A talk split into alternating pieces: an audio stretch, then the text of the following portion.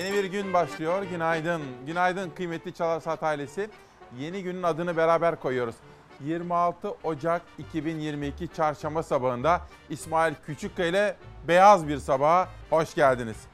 Kar, kış, kıyamet, yollar, mahsur kalanlar, havalimanı, işte gördüğünüz manzara ve Fox'un içinde bulunduğu binadan şu anda terasımızdan sizlere sesleniyoruz. Türkiye'nin gerçeklerini konuşacağımız özel bir sabah buluşmasındayız efendim. Yönetmenim Savaş, teknik yönetmenim Adem abimiz ve bütün ekibimizle birlikte Cansever abimiz de dahil bütün ekibimizle birlikte sizlere günaydın diyoruz efendim. Hemen gazeteleri okumaya başlayacağım ama manşeti söylüyorum. Faturayı kim ödeyecek? Bu etiket altında görüşlerinizi bizlerle paylaşabilirsiniz efendim. Şimdi Savaş kardeşimden rica ediyorum. Günün gazetelerine bir gün manşetiyle başlıyoruz. Bir gün gazetesinin manşetinde bugün ülkenin çatısına dair bir manşet dikkatlerimi çekti. Ve orada ülkenin çatısı çöktü diyordu. Savaş veremiyor muyuz? O zaman ilk haberimize gidelim. İlk haberimizi verelim dönüşte manşeti okuyalım. Buyurun. Şu an burası Ademköy. Rehin kaldık burada.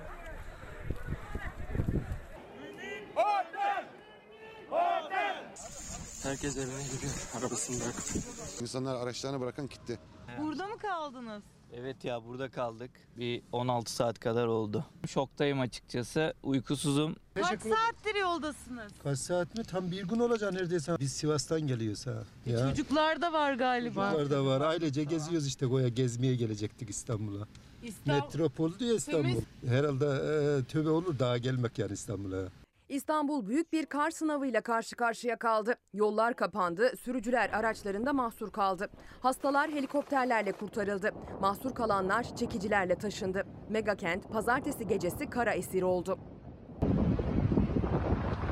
Bulunduğumuz noktadan 6 kilometre ilerisine yani avcılara 116 dakika veriyor ulaşım için. Yollar ve bu yollar kar nedeniyle neredeyse durma noktasına geldi. Akşam trafiğinde özellikle iş yerinden evine ulaşmak isteyenler kar fırtınası nedeniyle yollarda oluşan buz ve kar birikintileri sebebiyle uzun saatler boyunca trafikte kaldı. Vallahi üç buçuk saatte 4 kilometre anca gelebildik. Personel alacaktık. Herkes kendileri imkanlarıyla evlerine gitti. Arabayı götürüp bir yere koyun abi. Yok koyacak yer yok. Nereye? Yolun ortasına bırakacağım. Kış lastiği yine de bir etkisi yok. Her yer buz komple. Hava, kara, deniz ulaşımının neredeyse tamamı durdu. Gece mahsur kalanlar seslerini sosyal medya aracılığıyla duyurmaya çalıştı.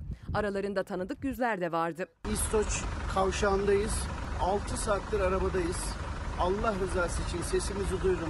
Lütfen devlet yetkililerine sesleniyorum. Gözünüzü seveyim şurayı açtırın. Yaklaşık 4 saattir burada perişan vaziyetteyiz. Gün ağardığındaysa esaretin yaşandığı noktalarda kurtulma telaşı vardı. Tem bağlantı yolunun Hadımköy kavşağına kadar olan kısmında 10 kilometrelik araç kuyruğu oluştu. Burada dünden beri araçlar bekleyişini sürdürüyor. Burada mahsur kalanlar araçlarının içerisinde uyumak zorunda kaldılar ve iddiaya göre herhangi bir yardım da sağlıklı bir şekilde ulaşamadı. Burası mega kentin göbek noktası ve İstanbul'da bir günde yağan kar fırtınasından sonra manzara bu. belediyenin e, ondan sonra bakanın duyarsızlığından dolayı biz perperişan olduk.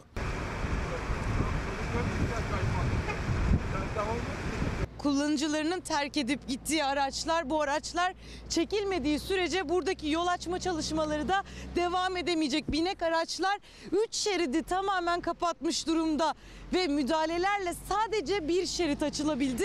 Oradan trafik akışı 15 saatin sonunda gerçekleşebiliyor. Ya ileriden kes şuraya bir girelim. Tem otoyolunu açmak için kar küreme araçları beklemesini sürdürüyor. Çünkü araçların kaldırılması lazım. Ancak araçlar kaldırılamadığı için çalışmalar yürütülemiyor. İlerleyemiyor musunuz? Maalesef Neden? herkes araçları terk etti. Aracı bırakıp gitmişsiniz de beyefendi yolu açmaya çalışıyoruz. Kar küreme araçları giremiyor. Aracı bulunduğu yerden alın. Kazma kürekle şuradaki araba benim onu kurtarmaya gidiyoruz şu an. Kar çilesinde en zorunu hastalar yaşadı. Kimi kepçeyle taşındı, kimine ise ambulansın ulaşması kar nedeniyle mümkün olmadı. 37 yaşında kalp krizi geçiren hasta için askeri helikopter şehre indi.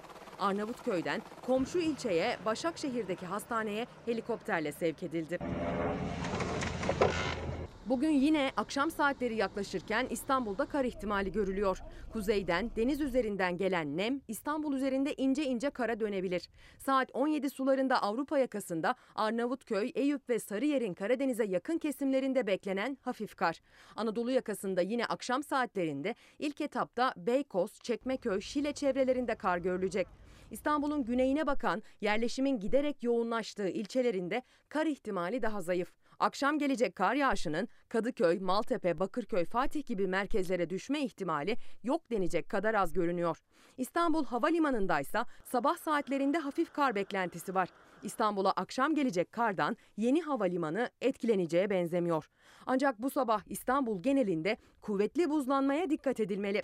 Gece boyu nispeten açık olan gökyüzü mega kentin zemininde riskli bir buz tabakası oluşumuna sebep oldu.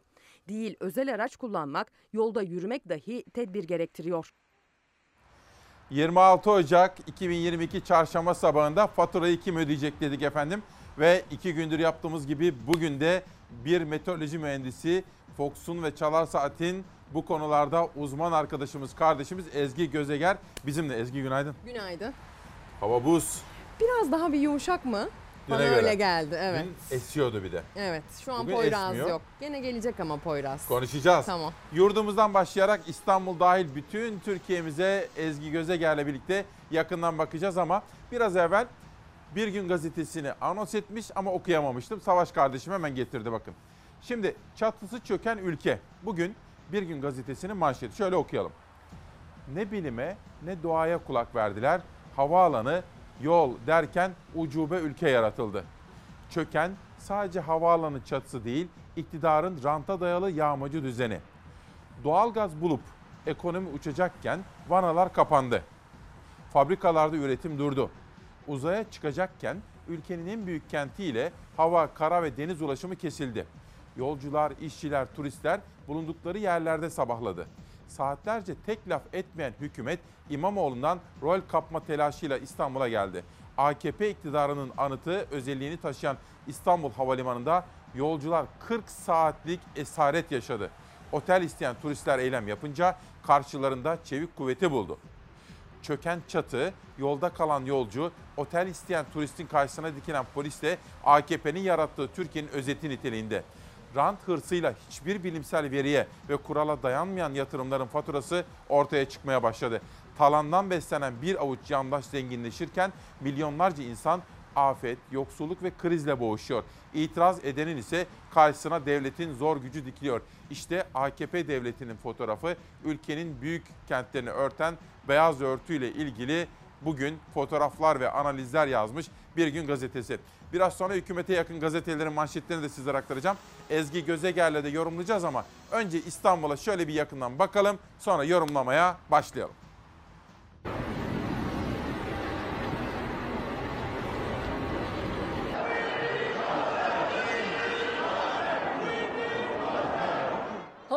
Havalimanının dışına çıkmaları imkansızdı. Ne metro ağı vardı ne de karayolu açıktı. Yüzlerce yolcu geceyi havalimanında yerlerde uyuyarak geçirdi. Turistler otel isteklerini slogan atarak yetkililere duyurmaya çalıştı. Karşılarında çevik kuvvet vardı.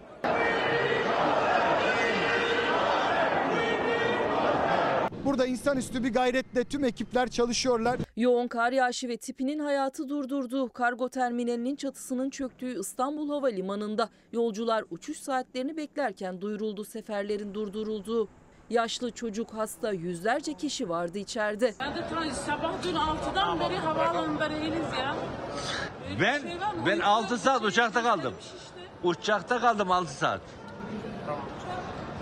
Gitme yani gidemiyorum gitmek istiyorum. Saatler saatleri kovaladı. Uykusu gelenler için kartonlar dağıtıldı. Yorgun düşen bulduğu yere yatıp uyudu. Beraber burada burun altından kalkıp havalimanımızı açık tutup operasyonu devam ettirip biraz daha sabır istiyoruz. Biz sabaha kadar temizlik çalışmalarını sonuna kadar devam ettireceğiz. Bir havaalanı bu, bu kadar saatte temizlenmemesi mümkün değil. Mümkün değil inanmıyorum. Biz insanız insan. Dışarıda pisti açma çalışmaları sürerken içeride sinirler gerildi. Valizlerini teslim edenler ihtiyaçlarını alabilmek için geri istese de olumlu yanıt alamadı. Kardeşim bana ilaç lazım ilaç. Ya bakın elimde reçete olsa burada eczaneden alacağım. Kardeşim ilacımı verin valizde sizin olsun. Kimseden bir bilgi alamıyoruz. Yani O diyor ben görevli değilim, bu diyor ben Aynen. görevli değilim. Gece yarısına yakın pisti temizleme çalışmaları sona erdi. Bir günü havalimanında geçiren yolcuların beklediği haber duyuruldu bu kez. İstanbul Havalimanı'nda uçuşlar kademeli olarak başladı. Bugün faturayı kim ödeyecek dedik ya. Bu haberi Ezgi Gözeger hazırladı. Haberin içerisinde başka hiçbir yerde görmediğiniz detaylar da vardı ve yolcularımız vardı. Ezgi oradaki yolcularımızdan bir tanesinin durumu enteresan. Bir tanesi annemin kuzeni. Ee, 6 saat uçak içinde bekledi Almanya'ya gitmek için. Sonra uçaktan tahliyeleri yapıldı. Ee, havaalanında da bekledi. Baktı olmuyor. Planlarını iptal etti. Ee, eşinin yanına, yanına geri döndü İstanbul'a. Sonrasında tekrar bilet aldı. Bugün itibariyle yola çıkacak. Yanlış bilmiyorsam saatini bilmiyorum ama e, pek çok kişi bunu yaşadı. Şimdi dün benim de konuştuğum insanlar vardı. Havaalanında bir uçağın içinde 6 saat, 7 saat kalanlar var. Havaalanında mahsur kalanlar var. Moskova'ya gitmek üzereyken bekleyenler var. 9 milyar euroya yaptık biz bu havaalanını. Dünyanın en iyisi diyorlardı. Kaldı. Ya bir şey diyeceğim. Rusya'da falan böyle sürekli kar yağışı var. Havalar sürekli böyle. Ama orada böyle sorunlar yaşanmıyor. Çünkü havaalanları yapılırken iklim bilimcilerden aslında e, görüş alınıyor. Evet. O bölgenin hakim rüzgarı hangi yönde? O bölgenin genel meteorolojik şartları nasıl bakılıyor ve buna göre en az riskli alan seçiliyor. Hmm. Yani seçim yapılırken neresinde yeni bir şehir oluştururuz bu bölgenin diye değil de e, neresinde daha az riskli uçuş sağlarız diye bakıyorlar. Zaten bu İstanbul Yeni Havalimanı ile ilgili pek çok tartışma vardı. Bir tanesi mesela Atatürk Havalimanı neden atıl duruyor? Hatta pisti neden işlevsiz hale getirildi? Mesela dün Cumhurbaşkanı Erdoğan talimatıyla İstanbul'a gelen iki bakan ki bir tanesi Ulaştırma Bakanı, bir tanesi İçişleri Bakanı. Tesadüf değil. Atatürk Havalimanı'na indiler. Tesadüf değil. Hiç Değil. tesadüf değil çünkü oranın yer seçimi yapılırken bunlara bakıldı. Ee, veyahut da İstanbul'un neresinde yerleşim yoğunluğu var, neresinde yerleşim yoğunluğu yok. İki yarımada şu şekilde İstanbul'da. Yani kuzeyinde neden yerleşim yok? Yani bunların hiçbirisi tesadüf değil aslında. Değil. Şartları zorlamamak Şimdi lazım. ilk şöyle konuşmak istiyorum. Yurt Haber'e bir girmek istiyorum. Tamam. Savaş haberimiz hazır mı? Şimdi İstanbul'un dününe bir bakalım. Sonra dönüşte Ezgi bize bugün Türkiye'de neler olacak? Fakat sabah haberleri hazırlarken Ezgi nasıl durum dediğimde abi dedi özellikle Şubat ayına da dikkat çekmemiz gerekiyor. Ama önce İstanbul'a bakacağız. Dönüşte Ezgi bize bugün anlatacak. Akabinde de Şubat ayına bakacağız. Ulaşım hiç iyi değil. 40 dakika sonra geldi belediye otobüsü. 40 dakika sonra geldi. Bayağı da yürüdük. Mecbur kaldık. Zor geçen gecenin ardından yeni güne yeni önlem ve yasaklarla başladı İstanbullu. Yine önünde zorlu bir mücadele vardı. Araç yasak, köprüler yasak ama iş vardı. Akşam saatlerinde etkisini arttıran ve gece boyunca da süren kar yağışı İstanbul'da trafiği durma noktasına getirdi. Çok sayıda araç yolda mahsur kalınca İstanbul Valiliği bugün saat 13'e kadar görevli araçlar haricinde özel araçların trafiğe çıkmasını yasakladı. Ancak şu anda yollara baktığımızda saatler 9.30'u göstermesine rağmen çok sayıda özel araç trafikte. Rezillik. Karşıya bırakmıyorlar zaten köprü yasak. Yollarda tuzlama çalışmaları Hiç görmedim. Ben hiç görmedim. Metrobüs yolu açık güzel ama köprü t- polis kapamış. Birinci köprü tıkalıydı. Buzlanma tehlikesi nedeniyle Asya ile Avrupa'yı birbirine bağlayan 3 köprüde trafiğe kapatıldı. Bugün öğle saatlerine kadar ve bağlantı noktalarında ekipler kontrol noktaları kurdu. Trafik kapatıldı. Araç geçişlerine izin verilmiyor. Bu noktada da 15 Temmuz Şehitler Köprüsü'nü kullanmak isteyen araçlar Avrasya Tüneli'ne yönlendiriliyor. Köprü trafiğe kapalı hayır. Avrasya Tüneli kullanabilirsiniz karşıya geçeceksiniz. Nereye gidiyorsunuz beyefendi şu an? Levent'e gitmem lazım Ama evime. şuradan aşağıdan tünelden kullanabilirsiniz tüneli. Buradan e, Köprü kapalı evet şu an. Köprü girişinde kilometrelerce uzayan araç kuyrukları oluştu. Alternatif yolları kullanamayanlar saatlerce köprülerin açılmasını bekledi. Köprünün bu başında saat 7'den beri bekliyorum. Saat kaç oldu? Saat 11. İstanbul'da ulaşım sadece toplu taşımayla sağlanıyor. Bu yüzden çok sayıda metrobüste yola çıktı ve bir duraktan diğer durağa uzanan kilometrelerce metrobüs kuyruğu oluştu. Metro, metrobüs ve otobüs duraklarında yoğunluk oluştu. Yoğun kar nedeniyle gece durdurulan bazı tramvay seferleri sabah tekrar açıldı. Ancak aksayan seferler bazı tramvay duraklarında kalabalığa neden oldu. İşe gitmek zorunda olanlar zor anlar yaşadı. Karla kaplanan üst geçit ve kaldırımlar buz pistine döndüğü için yayalar zorlukla yürüyebildi. Avcılar'dan geliyorum. İki tane Moskova gideceğim. Gidemiyorum. Metrobüse girdim. Bir buçuk saattir burada bekliyorum. Yok otobüs yok. Dün akşama göre şu an iyi. Akşam çok kötüydü. Saatlerce metrobüste beklemek zorunda kaldık. E, Sabah da 153'ten bilgi almaya çalıştığımda kendilerinin bile haberi yoktu. Metro ve Marmaray seferleri uzatıldı. Yolcular otogarlarda mahsur kaldı. Gece belediyeden yemek getireceğiz dediler, getirmediler. Burada aç susuz kaldık. Ya ne soran ne gelen yolcular perişan oldu. Büyükşehir Belediyesi karayolları yapması gerekiyordu. Karayolları diyor Büyükşehir Belediye'nin yapması gerekiyordu. Burada insanlar mağdur. İstanbul'a girişine izin verilmeyen tır ve kamyon şoförleri de yol kenarlarında beklemek zorunda kaldı. Tam sınırda kaldılar. Şurada Mehmetçik Vakfı var. Oraya gitmemize de izin vermediler. Burada yolun üzerinde bekletiyorlar bizi. İstanbul'da kar yağışının aralıklarla perşembeye kadar sürmesi bekleniyor. Faturayı kim ödeyecek dedik. Ezgi Gözeger'e dönelim ve Ezgi şimdi Yurtta hava. yurdumuzda Türkiye'de bugün hava nasıl? Beklentiyi Ege bölgesinden başlayarak Tamam. sayacağım. İstanbul'a sonra geleceğim, Marmara'ya da sonra geleceğim dolayısıyla. Ege bölgesinin yine kıyısında yağış yok, iç kesimlerinde yağış var. Denizli'de, Afyon'da hafif kar görülebilir ama tüm bölgede buzlanma ve don riski var. İç kesimlere gidildikçe artıyor. Akdeniz bölgesinde tüm bölgede yağışlı başlayacak gün. Biliyorsun Antalya kıyılarına kar yağdı. Evet 26 Bugün- yıl sonra ilk kez. Evet. Hatta Bodrum'da da kar yağmış. Bodrum'da, Marmaris'te. Dün Bodrum Belediye Başkanı da aradı. Hatta bu Fatma Girik'in cenaze törenini Hmm. söylüyorduk. O ertelendi çünkü İstanbul'daki hava muhalefeti nedeniyle. Antalya'da ve Bodrum'da da kar vardı değil mi? E, Bugün yine Antalya kıyılarında karla karışık yağacak. Kısa süreli kara dönebilir. Tamam. Bu sefer batısında daha çok bu ihtimal görülüyor. E, Kahramanmaraş'ta yoğun kar var. Hatay'da, Osmaniye'de kuvvetli yağış var. Osmaniye'nin yüksekleri, Hatay'ın yüksekleri karlı onu söyleyelim. İç Anadolu'da başkentte hafif kar geçişleri var. Eskişehir'de kar yok denecek kadar az. Ankara'da gün içinde azalarak devam edecek. E, Sivas çevrelerinde yoğun kar var. Konya, e, Kayseri, Niğde, Karaman'da yoğun kar var. Dikkat. Doğu Anadolu bölgesinin en doğusunda kar yok. Kars, Ardahan, Ağrı, Van pek karlı değil. Ama batısında kalan Malatya, Tunceli, Elazığ, Erzincan, Bingöl'muş yoğun karlı çok dikkat edilmeli. Karadeniz bölgesinin hemen hemen tamamı kar yağışlı. Batı kıyılar, doğunun tamamı kar yağışı alacak. E, Trabzon, Rize, Artvin kıyı kesimlerde çok kar alamamıştı. Bugün itibariyle o ihtimal güçleniyor.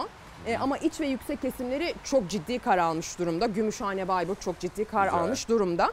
E, yani yurt bu şekilde genel riskten söz etmem gerekirse Onu de bir tutalım. çığ ve buzlanma. Tamam devam edeceğiz. Çünkü Tamam. daha bölge bölge de gitmek istiyorum. Bu arada Ezgi çok güzel anlattı. Nerelerde hangi yoğunlukta kar yağışı. Dün Diyarbakır'dan Yenişehir Ziraat Odası Başkanı da aradı. Abi dedi yağışlara çok seviniyoruz. Kuraklık sıkıntısı çekiyorduk dedi. Barajlar doldu şükürler olsun dedi. Fakat sesimizi duyur çiftçi özellikle gübre maliyetleri konusunda çok dertli dedi. Ezgi ile röportajımıza, röportaj mi, sohbetimize devam edeceğiz. Ama önce Savaş ne yapalım? Peki. Beyza Gözeyik tarafından hazırlanan Türkiye'nin dünden bu sabaha yansıyan rakamlarıyla ve uzman görüşleriyle Omikron'da en son durum. Bizim normal hayatımıza göç, geçmemize yetecek varyantmış gibi durmadığını şu ana kadar şu iki ayda yaşadıklarımızdan söyleyebiliriz. Daha az öldürüyor ama öldürmeye devam ediyor. Daha hızlı bulaşıyor, daha az öldürüyor. Ancak salgını bitirir mi? Uzmanlar bu sorunun yanıtına pek sıcak bakmıyor. Yoğun bakımlar dolu, hastaneler kapasitesini zorluyor. Biz hem servislerde hem yoğun bakımlarda hani bir %90 civarında ve üzerinde hafiften e, %90 üzerinde doluluğa devam ediyoruz. Bir ay öncesiyle karşılaştırdığımızda bizim tanı koyduğumuz hasta sayısı hastanemizde aşağı yukarı 4-5 kat artmış durumda. Profesör Doktor Oğuz Reşat Sipahi omikrondan dolayı hastanelerin baskı altına girdiğini söyledi. Test zorunluluğu olmadığı halde Türkiye'deki tabloda gidişatın iyi olmadığını gösteriyor. 24 saat içinde 76.341 kişide koronavirüs tespit edildi. 174 kişi hayata gözlerini yumdu. Tüm dünya kolektif ve senkronize diyebileceğim bir şekilde müdahale etmezse biz daha bayağı uzun süre o mikron, bu mikron ve şu mikron, BA1, BA2, BA3 vesaire şeklinde varyant konuşmaya devam edecekmişiz gibi gözüküyor. Evrimsel anlamda pek kısa vadede yok olacakmış gibi durmuyor şu an için virüs. Profesör Sipahi'nin altını çizdiği belki de en önemli husus pandeminin başından beri ülkelerin ortak hareket edememesi. Uzmanlar omikron için pandeminin sonu gibi bir algı yaratılmasının doğru olmadığını vurguluyor. En baştan beri bir varyant gelecek ve bütün dertleri çözecek gibi bir şey var. Evet daha hızlı bulaşan ve daha az öldüren nispeten bir varyant var elimizde ki ondan da yeni varyantlar türüyor. İşte BA1'dir, BA2'dir vesaire. Profesör Doktor Sipahi aşısızlara ve kronik rahatsızlığı olanlara çok dikkatli olmalarını tavsiye ediyor. Hassas olan vatandaşların özellikle aşısızların ya da eksik aşılıların için riskin arttığı bir dönemdeyiz. Onların azami dikkat göstermesi gerekiyor. Kişisel önlemlerini maksimuma çekmeleri önemli. Bir taraftan hava durumu ve bunun ekonomiye yansımaları. Ama geçtiğimiz haftadan itibaren üzülerek sizlere anlatmaya çalıştığımız sanayide doğalgaz kesintisi. Bakın bu bir gerçek. Bakanlarımız iyi konuşuyorlar, güzel konuşuyorlar ama benim konuştuğum sanayici dertli 10 gün boyunca sanayide elektrikler kısıntılı. Ayrıca doğalgaz da kısıntılı. Bu arada Engin Güner selam söylüyor. Diyor ki Hı. İsmail Bey günaydın Çalarsat ailesine. Ezgi Hanım'ın şapkasıyla ne kadar sempatik. Bana kalırsa siz de bir şapka edinin. Üşüyor musunuz? Yok aslında şu anda idare ediyorum. Ama dün böyle beni Maya görmüş. Maya da demiş ki Feride, Feride Savaş benim komşularım onlar. İsmail Bey çok üşüyor demiş. Akşama bir kuru fasulye yapalım. Şimdi Engin Bey de çok seviyor. Akşam gittim Sağ hakikaten. olsunlar. Sağ olsunlar. Ezgi şimdi Marmara'yı bir anlatır mısın? Marmara'yı ve İstanbul'u ayrıca anlatmamız gerekiyor. Doğuya çok kar yağıyor, İstanbul'a nispeten az yağıyor ama bize yetiyor biliyorsunuz. O yüzden affınıza sığınarak ayrı bir kısım ayırıyoruz. Tabii. Ee, Marmara bölgesinin bugün yine doğusu yağışlı. Trakya'da yine yağış yok ama dondurucu soğuk ve buzlanma var. Marmara'nın doğusundan kastımız da yine e, Yalova, Bursa çevreleri, Sakarya, Kocaeli, İstanbul çevreleri. İstanbul'un daha çok Anadolu yakası. Yine bugün akşam saatlerinde hafif bir kar yağışının deniz etkisiyle Poyraz denizden kaldıracak, üzerimize kar olarak düşürecek. Ee, deniz etkisiyle İstanbul'a gelmesi Dur bekleniyor. Ezgi sözünü balla kes. Bir bakar mısın manzaraya? Bak İsmail abinin manzarasından, kamerasından. Güzel. Manzara ne kadar güzel arkada böyle. Keşke Ya aslında- kar, keşke kar sadece böyle güzel Evet. tarafıyla olsa. Yoksulluk olmasa mesela. Sokaktaki canlar, insanlar, hayvanlar. Bir de mesela hükümetimizle belediyelerimiz işbirliği yapabilse, kavga dövüş yapmasalar. Evlerimizi cayır cayır ısıtabilsek fatura korkusu yaşamadan. Faturalar ne kadar geliyor Allah. Ya işte hepsinin faturası vatandaşa. Sen bugün Faturayı kim sordun. ödeyecek? Faturayı vatandaş ödeyecek. Devam edelim. Her zaman vatandaş Şimdi bir öder. iki bir şeyin daha var mı yoksa dönüşe Şubat'ta da bırakabiliriz? hava soğuk. Onu bekletelim. Tamam. Bir haberimiz daha var. Tamam. Bu arada biz hem Türkiye'nin gerçeklerini konuşmaya gayret ediyoruz. Bir taraftan da dünyaya da gözümüzü kulağımızı kapatamayız. Çünkü Türkiye küresel sisteme entegre bir ülkedir. Ve dolayısıyla bölgemizde mesela Kafkaslar'da, Ege'de, Orta Doğu'da, Avrupa'da, Amerika ile ilişkilerimiz de son derece önemlidir. Ve bizim de hoşumuza giden savunduğumuz normalleşme çalışmalarından bir tanesi. Ve sırada Türkiye ile Ermenistan arasındaki yakınlaşmanın manşeti.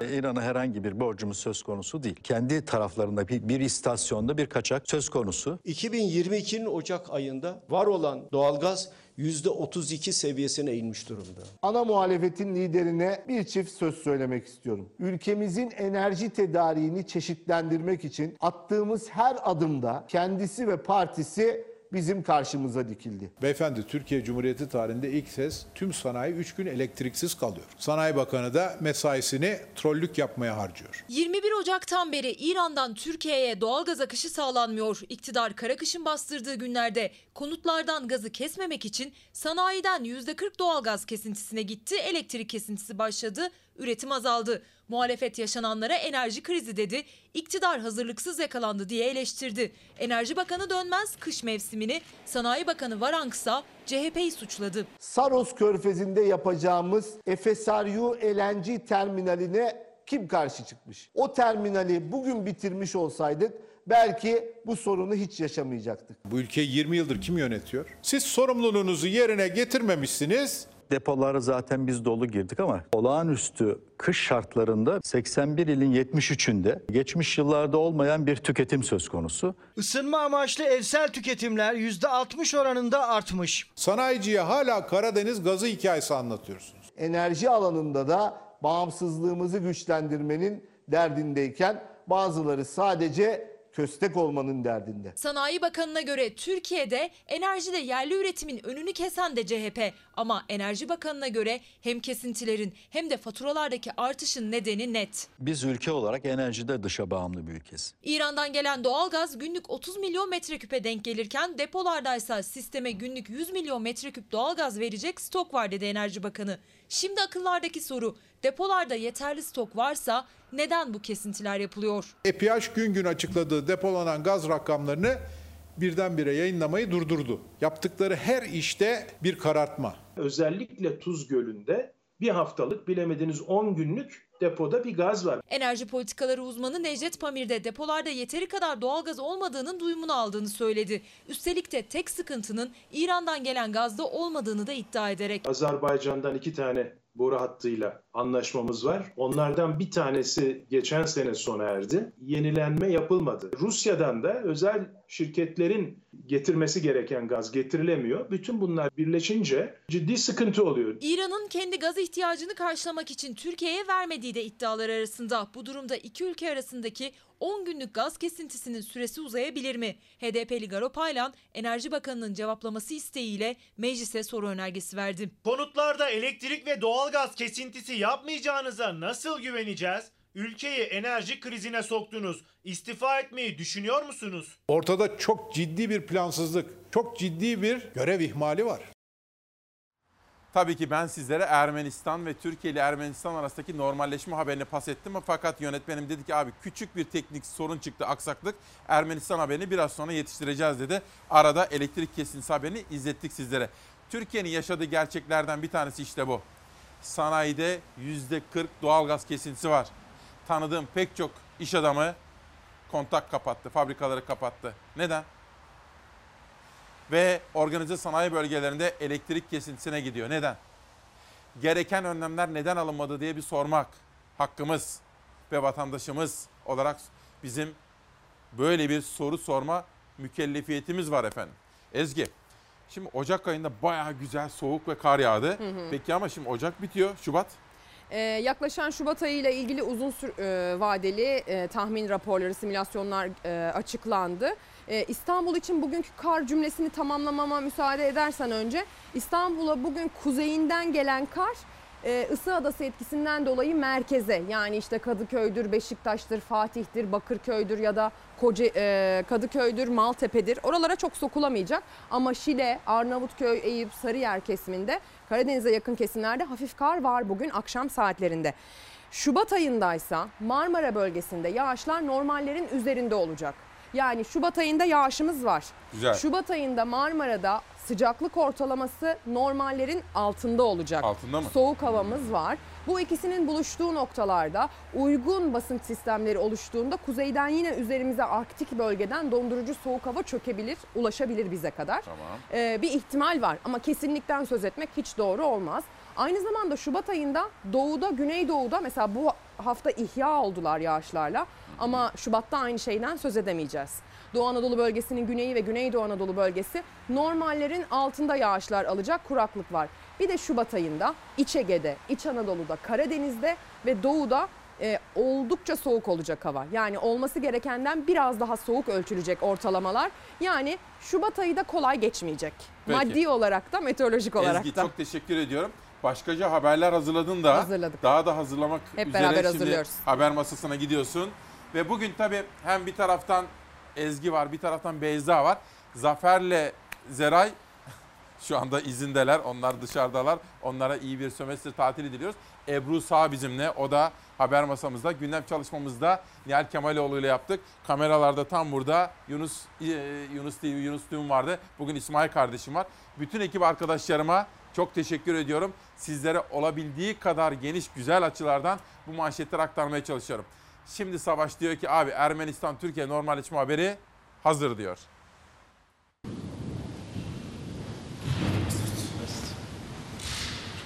Erivan-Bakü hattında barış anlaşması imzalanmasına yeşil ışık yakan Ermenistan Başbakanı Paşinyan, Türkiye-Ermenistan ilişkilerinin normalleşmesi yönünde attığı adımları da artırdı.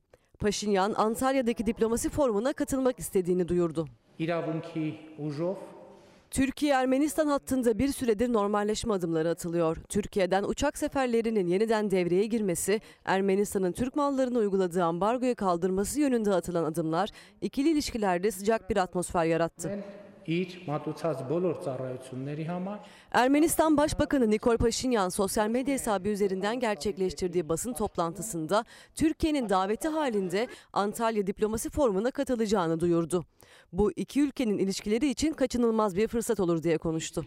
ողջ կյանքի ընթացքում, որովհետև նա գործնականում Öte yandan Paşinyan, Karabağ Savaşı geride kalırken Erivan-Bakü hattında barış anlaşması imzalanmasına da yeşil ışık yaktı. Anlaşma imzalanırsa Türkiye ve Ermenistan ilişkilerinde de nihai bir barış ortamının oluşması daha güçlü görünüyor. Normalleşme adımlarını destekliyoruz efendim. Hep söylediğim gibi Türkiye'nin bir demokrasi barış adası olması gerekiyor bu topraklarda. Bu arada Batman'dan Fatoş Çelik o da bir anne. Ona geçmişler olsun diyorum. Tedavi süreci devam ediyor. Her sabah güne bizimle birlikte başlayan Fatoş Çelik'e ve Batman'a teşekkürlerimi sunuyorum. Ve yönetmenimden rica ediyorum şimdi Cumhuriyet Gazetesi'ni okuyalım. İyi ki Atatürk var. Her sabah söylediğimiz gibi ama bugün Cumhuriyet'te farklı bir manşet bu konuda. Okuyalım. Kriz masası için İstanbul'a giden bakanlar 22 milyar avro harcadıkları havalimanı yerine Yeşilköy'e indi. İktidarın gözdesi ve en çok kamu ihalesi alan şirketler olarak bilinen Cengiz, MAPA, Limak, Kolin, Kalyon Ortak Girişim Grubu tarafından 2018'de inşa edilen İstanbul Havalimanı yoğun kar yağışı nedeniyle devre dışı kaldı. İstanbul'a giden İçişleri Bakanı Süleyman Soylu ile Ulaştırma ve Altyapı Bakanı Adil Kara İsmailoğlu kapatılan Atatürk Havalimanı'na indi. Uzmanlar yeni havalimanı için Terkos Gölü, kuş göç yolları ve orman alanlarına etkisi dikkate alındığında ekolojik yıkım nedeniyle İstanbul susuz ve havasız bırakılacak uyarısında bulunmuştu. Adını vermek istemeyen bir pilot da Atatürk Havalimanı'nın kapatılmasının hata olduğunu belirtti ve sadece kar değil ters rüzgar ve sis de o bölgenin sorunu. Çünkü doğa ile inatlaşıp inşa edildi dedi. Bu Cumhuriyet Gazetesi'nden.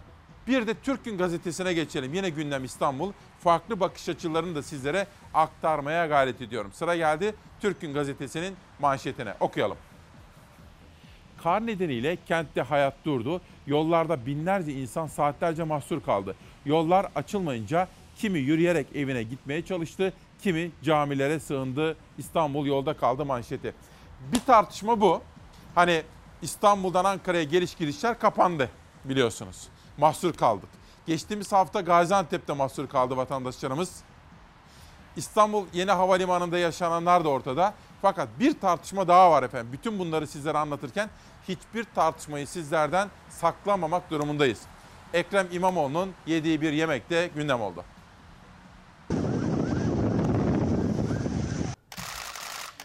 İstanbul'u kar kıyamet götürüyor. İstanbul'un belediye başkanı gitmiş bir balıkçı restoranında görüntü veriyor. 3 yıldır süren İstanbul'u kaybetme hazımsızlığı öyle bir noktaya geldi ki 19 saat boyunca sahadan ve Akom'dan karla mücadeleyi yönetirken 1 saatlik yemek molan bile konuşulur oldu. İstanbul Büyükşehir Belediye Başkanı Ekrem İmamoğlu'nun İstanbul'un yoğun kar yağışıyla imtihanı sürerken bir restoranda yemek yemesi iktidar ve muhalefeti bir kez daha birbirine düşürdü. Devlet imkanlarını belediye başkanlarımızı karalamak için kullananlar sanayiye 3 gün elektrik veremiyor. Ülke 10 milyarlarca dolar zararda. Çünkü öncelikleri karalama. İstanbul'da yaşananları hepimiz ekranlardan izledik. Kar yağışı sadece İstanbul'u değil tüm Türkiye'yi olumsuz etkiledi. Ankara İstanbul karayolu kapandı. Yeni havalimanında ve bağlantı yollarında sıkıntılar hala sürüyor. Ama vuruna balıya misali malum medyada varsa yoksa İBB'den bahsediliyor. Bir eksiğimiz yok değil mi Seyfullah Bey? Yok şu anda hiçbir eksiğimiz yok. İstanbul son 72 yılın en yoğun kar yağışıyla mücadele sınavı verirken iktidar ve muhalefet arasında atışmada dinmiyor. Bir taraftan yetki alanı tartışması sürüyor. Diğer taraftansa İmamoğlu'nun pazartesi akşamı İngiliz Büyükelçi bir balık restoranında yemek yemesi çokça konuşuluyor. Karla mücadele değerli arkadaşlar balık tuzlayarak yapılmaz. Binlerce çalışanımızın emekleri ortadayken 19 saatlik mesaide 1 saatlik yemek molamın neden gündem yapılmaya çalışıldığı malumdur. Milletimiz bu hazımsızlığı iyi bilmektedir. İmamoğlu kendisine yönelik eleştirilere sosyal medya hesabından yanıt verdi. CHP liderinden de İmamoğlu'na destek mesajı geldi. Ekrem İmamoğlu ve Mansur Yavaş. Siz halk belediyeciliği yapmaya devam edin. Gerisi boş. Saray kadar bomboş. Bunu gerçekten insan yapmaya utanır. İnsan biraz utanır. İşte bu tartışmayı da konuşacağız, yorumlayacağız. Diğer bütün meseleleri de İstanbul Havalimanı'nı da, İstanbul-Ankara otobanında kalanları da, merkezi hükümetle yerel belediyeler arasında olması gerekenleri de hepsini konuşacağız. Bugün tanıtacağım kitaplardan birisi Doçent Doktor Yasemin Bilişli'nin Dijital Medya ve Dijital Okuryazarlık isimli kitabı. Günaydın Türkiye'm İsmail Küçükkaya Demokrasi Meydanı'nda faturayı kim ödeyecek diyoruz. Ama hepinizin tahmin ettiği gibi önce benim şirketten Cenk Soner'den bir bardak sıcak çay alma hakkım var. Hemen içiyorum. Günaydın, hoş geldiniz. 26 Ocak 2022 Çarşamba sabahında İsmail Küçükkaya ile beyaz bir sabaha, bir hakikat yolculuğuna hoş geldiniz. Faturayı kim ödeyecek dedik. İstanbul ve Türkiye'deki bütün hava durumu detaylarını sizlere aktaracağım. İşte sokaklardan, caddelerden, yollardan manzaralar. Bolu Dağı'nda neler yaşanmıştı? Ankara İstanbul, İstanbul Ankara arasında neler yaşanmıştı? Bunları hatırlatacağız. 9 milyar euroya yapılan yeni havalimanımızda neler yaşandı, kimler mahsur kaldı? Bütün bunları konuşacağız. İstanbul'da mahsur kalanlar bunların gazetelere, köşe yazılarına, yansımalarına hep birlikte bakacağız. Günaydın Türkiye'm, hoş geldiniz. Hava durumunu izlerken şunu düşünün. Faturayı kim ödeyecek?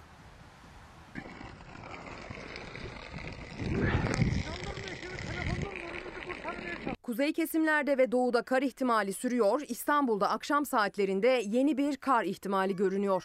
Dondurucu soğuk hava bugün İstanbul'da dahil yurdun batıdan doğuya tüm kesimlerinde buzlanma riskini öne çıkarıyor. Doğuda ve Karadeniz'de yoğun kar yağışına dikkat. Çığ riski artıyor, çatılardaki kar kütleleri temizlenmezse düşüyor, büyük riskler oluşturuyor. Marmara bölgesinin bugün yine doğusu yağışlı. Bugün İstanbul ağırlıklı olarak Anadolu yakası, Kocaeli, Sakarya, Bursa, Bilecik, Yalova çevreleri kar yağışlı olacak. İstanbul'a Poyraz'la deniz üzerinden taşınan nem kar olup düşebilir yine. İstanbul'un kuzey kesimleri akşam saatlerinde yeniden karın etkisi altına girebilir. İstanbul'da akşam saatlerinde ihtimali artan kar yağışının geçtiğimiz günlere göre daha hafif olması bekleniyor. Poyraz yine sert esiyor, hem üşütüyor hem de denizden kara dönüşecek nemli havayı İstanbul'a taşıyor. Ege bölgesinde kar soğukları etkili ancak sadece iç kesimler yağışlı. Afyonkarahisar ve Denizli'de bugün hafif kar yağışı sürebilir. Bölgede buzlanma ve zirai don riski de kıyıdan iç kesimlere gidildikçe artıyor. Akdeniz bölgesi güne tüm illerinde yağışlı havayla başlayacak. Isparta, Burdur'da kar var. Antalya'nın yükseklerinde, dağ yamaçlarında da kar yağışıyla başlayacak gün. Antalya merkezde ise genellikle karla karışık yağmur bekleniyor gün içinde. Akşama Antalya, Isparta, Burdur'da yağış kesiyor. Mersin, Adana, Hatay, Osmaniye, Kahramanmaraş gün boyu yağışlı. Kahramanmaraş yoğun kar yağışlı olacak. Adana, Osmaniye, Hatay'ın yükseklerinde kar yağışı görülecek. İç Anadolu bölgesinde yağışlar bugün saat saat doğuya çekilecek. Eskişehir'de yağış yok denecek kadar az. Başkent Ankara'da hafif yağışlar giderek etkisini yitirecek. Ancak Konya, Karaman, Aksaray, Niğde, Nevşehir, Kırşehir, Yozgat, Çorum, Kayseri, Sivas çevrelerinde kar geçişleri sürecek. Sivas'ta yoğun kar görülebilir. Karadeniz bölgesinde kıyı kesimlerde hava yağışlı. Batı Karadeniz'in iç kesimleri Bolu, Karabük civarı aralıklarla kar yağışı alacak. Samsun, Ordu, Giresun ve Trabzon'da kuvvetli yağışlara dikkat edilmeli bugün. Tüm Karadeniz'in iç kesimlerinde yağış yoğun kar şeklinde düşse de kıyılara yaklaştıkça karla karışık yağmura dönüşüyor. Giresun, Trabzon, Rize ve Artvin'de kıyı kesimlerde de zaman zaman kar görülebilir bugün. Karadeniz'in doğu kıyılarında kar görülme olasılığı gece hava soğudukça artıyor. Doğu Anadolu'nun en doğusunda yağışlar zayıf ancak Malatya, Tunceli, Elazığ, Erzincan, Bingöl, Muş çevrelerinde yoğun kar yağışı var tedbir alınmalı bugün. Kars, Ardahan, Ağrı çevrelerinde ise akşama kar bekleniyor. Güneydoğu Anadolu bölgesinde de bugün gün kuvvetli yağışla başlayacak. Kar ihtimali bölge genelinde sürüyor. Güneydoğu Anadolu'daki kar yağışları da bugün saat saat zayıflayacak. Marmara'nın doğusundaki yağışlar perşembe günü de etkisini sürdürüyor. Trakya'da yine yağış beklentisi yok. Perşembe İstanbul, Kocaeli, Sakarya çevrelerinde kar yağışları sürebilir. İstanbul'da termometreler perşembe günü kar sınırında olacak. Megakentteki yağışlar zamanla karla karışık yağmura da dönebilir perşembe. Kocaeli, Sakarya çevrelerinde ise kar ihtimali İstanbul'a kıyasla daha yüksek. Ege'de, İç Anadolu'da, Akdeniz'de yağışlar perşembe günü zayıflayacak. Perşembe günü doğuda kar yağışı kuvvetini artıracak. Doğu Karadeniz ve Doğu Anadolu'da çığ riskine dikkat edilmeli. Buzlanma ve donsa İç Ege, İç Anadolu, Akdeniz'in iç kesimleri de dahil olmak üzere tüm yurtta kuvvetini arttırıyor perşembe. Buzlanma ve don olayına karşı tedbir almak hafta boyunca hayati öneme sahip olacak. Cuma ve hafta sonunda da kuvvetli buzlanma ve zirai don riski artarak devam edecek. Bugün tabii özel zamanlardan birisi ve en fazla hava durumuna ilişkin detayları sizlerle paylaşacağım. Hava durumunun bizleri karşı karşıya bıraktığı bütün detayları konuşuyoruz. Mesela yolda kalanlar, evine gidemeyenler, mahsur kalanlar. Bir. iki havalimanı 9 milyar euroluk havalimanında yaşananlar. 3. 9 milyar euroluk havalimanına inemeyen bakanlarımız. Sayın Cumhurbaşkanı'nın talimatıyla Atatürk Havalimanı'na inmek durumunda kalan bakanlarımızla ilgili detaylar. 3. İstanbul Belediye Başkanı ne yaptı? Eleştirenler, yazanlar her birini sizlerle detaylı olarak konuşacağız. Ayrıca 20 yıllık bir tek parti iktidarında sanayici 10 günlük doğal gaz kısıntısıyla organize sanayi bölgelerindeki üretim yapan fabrikalar ve işletmeler elektrik kısıntısıyla karşı karşıya. Bunun sanayiye ve üretime, ekonomiye yansımalarını yine sizlerle birlikte konuşma gayreti içerisinde olacağız. Ve İsmail Küçükkaya ile Demokrasi Meydanı manşeti faturayı kim ödeyecek? Yönetmen kardeşim Savaş'tan rica ediyorum. Dünya Gazetesi ile bu kuşaktaki gazeteleri okumaya başlıyoruz. İş dünyası karlılık ve fiyatlama kıskacında. Enflasyon ve yüksek girdi fiyatları çözüm bekleyen iki büyük sorun olarak öne çıkıyor. İşletmelerin %80'e yakını döviz kuruna ilişkin fiyatlama yapmakta zorluk yaşıyoruz demişler efendim. Özellikle burada Türkonfet'in yapmış olduğu açıklamalarda haberde yer almış. Dünyadan bir detay daha seçtim sizler için çarpıcı bir gelişme. Onu da şimdi huzurlarınıza getiriyoruz. Türk lirası ile yapılan ihalelerde iptaller başladı. Kalamış'ta Koç'a vize çıkmadı. Birleşik Arap Emirlikleri radara alındı. Kerim Ülker'in haberi. Geçen yılın sonunda yapılan iki önemli ihale iptal edildi. Koç Holding'in 2,5 milyar lira ile kazandığı Kalamış Yat Limanı ve Aydem Enerji'nin 605 milyon liralık en yüksek teklif verdiği Akköprü HES projelerine Cumhurbaşkanlığı vize vermedi. İhalelerin iptal edilmesinin Türk lirası üzerinden fiyatlamanın düşük kalmasından kaynaklandığı tahmin ediliyor. Kalamış Yat Limanı ile Birleşik Arap Emirlikleri'nden bazı yatırımcıların ilgilendiği duyumları da haberde yer almış efendim. Peki hava durumu ve yaşadığımız iklime ilişkin bir çarpıcı detay var. Şimdi onu izliyoruz. Karadeniz'den e, herhangi bir e, rüzgarlı sistem etkilediği zaman, bir yağış başladığı zaman ilk etkilenen bölgelerden biri Kuzey Çevre Otoyolu ve havaalanının olduğu bölge. Millete geçmediği köprü, uçmadığı havaalanı, geçmediği otoyol için para ödetiyorsunuz. Asıl amaç olan etkinliği sağlayamıyorsunuz. Hem Kuzey Marmara Otoyolu hem havaalanı topyekün olarak şu anda kapalı vaziyette. Neden? Kesintisiz, konforlu, yüksek standartlarda trafik hizmeti hedefi sunan Kuzey Marmara Otoyolu'nda trafik kesintiye uğradı, konfor yerine çile vardı. Mecburi yolu kullanan tırlar, otobüsler başta olmak üzere sürücüler saatlerce mahsur kaldı yap işlet devletle yapılan paralı yolda. İstanbul'un kuzeyindeki bu çetin hava koşulları Yunanistan'da da görüldü ama bir farkla. Atina Başsavcısı bu otoyolun işletmecisine otoyolda gerekli tedbirleri almadığı için araç başına 2000 avro ceza ödenmesini kararlaştırdı. Şimdi halkımız adına soruyorum. Herhangi bir savcımız bir soruşturma açacak mı? Geçiş garantisi verilen paralı yolda fırtınada güvenlik garantisi verilemedi. Vortex İstanbul'un üzerinden geçip gideli iki gün oldu. Mega kentin kuzeyini vurdu. Aslında kuzeyde kışlar hep çetin, rüzgar hep kuvvetliydi ama yol yapıldıkça, yerleşim arttıkça İstanbullu bu doğa gerçeğiyle yüz yüze kaldı. Ulaştırma Bakanı da iklim koşullarına dikkat çekmek zorunda kaldı. İklim koşullarının sıkıntılı geçmesi bizi de zora soktu. Uzmanlara göre Kuzey Marmara Otoyolu işletmesi meteorolojinin uyarılarına rağmen önlem almadı, sınıfta kaldı. İnsanlara bir tuz torbası dağıtıp herkes kendi altına döksün diyecek haliniz yok. Bu yüzden oraların hiçbir zaman en azından bir şeritin kapanmaması gerekir.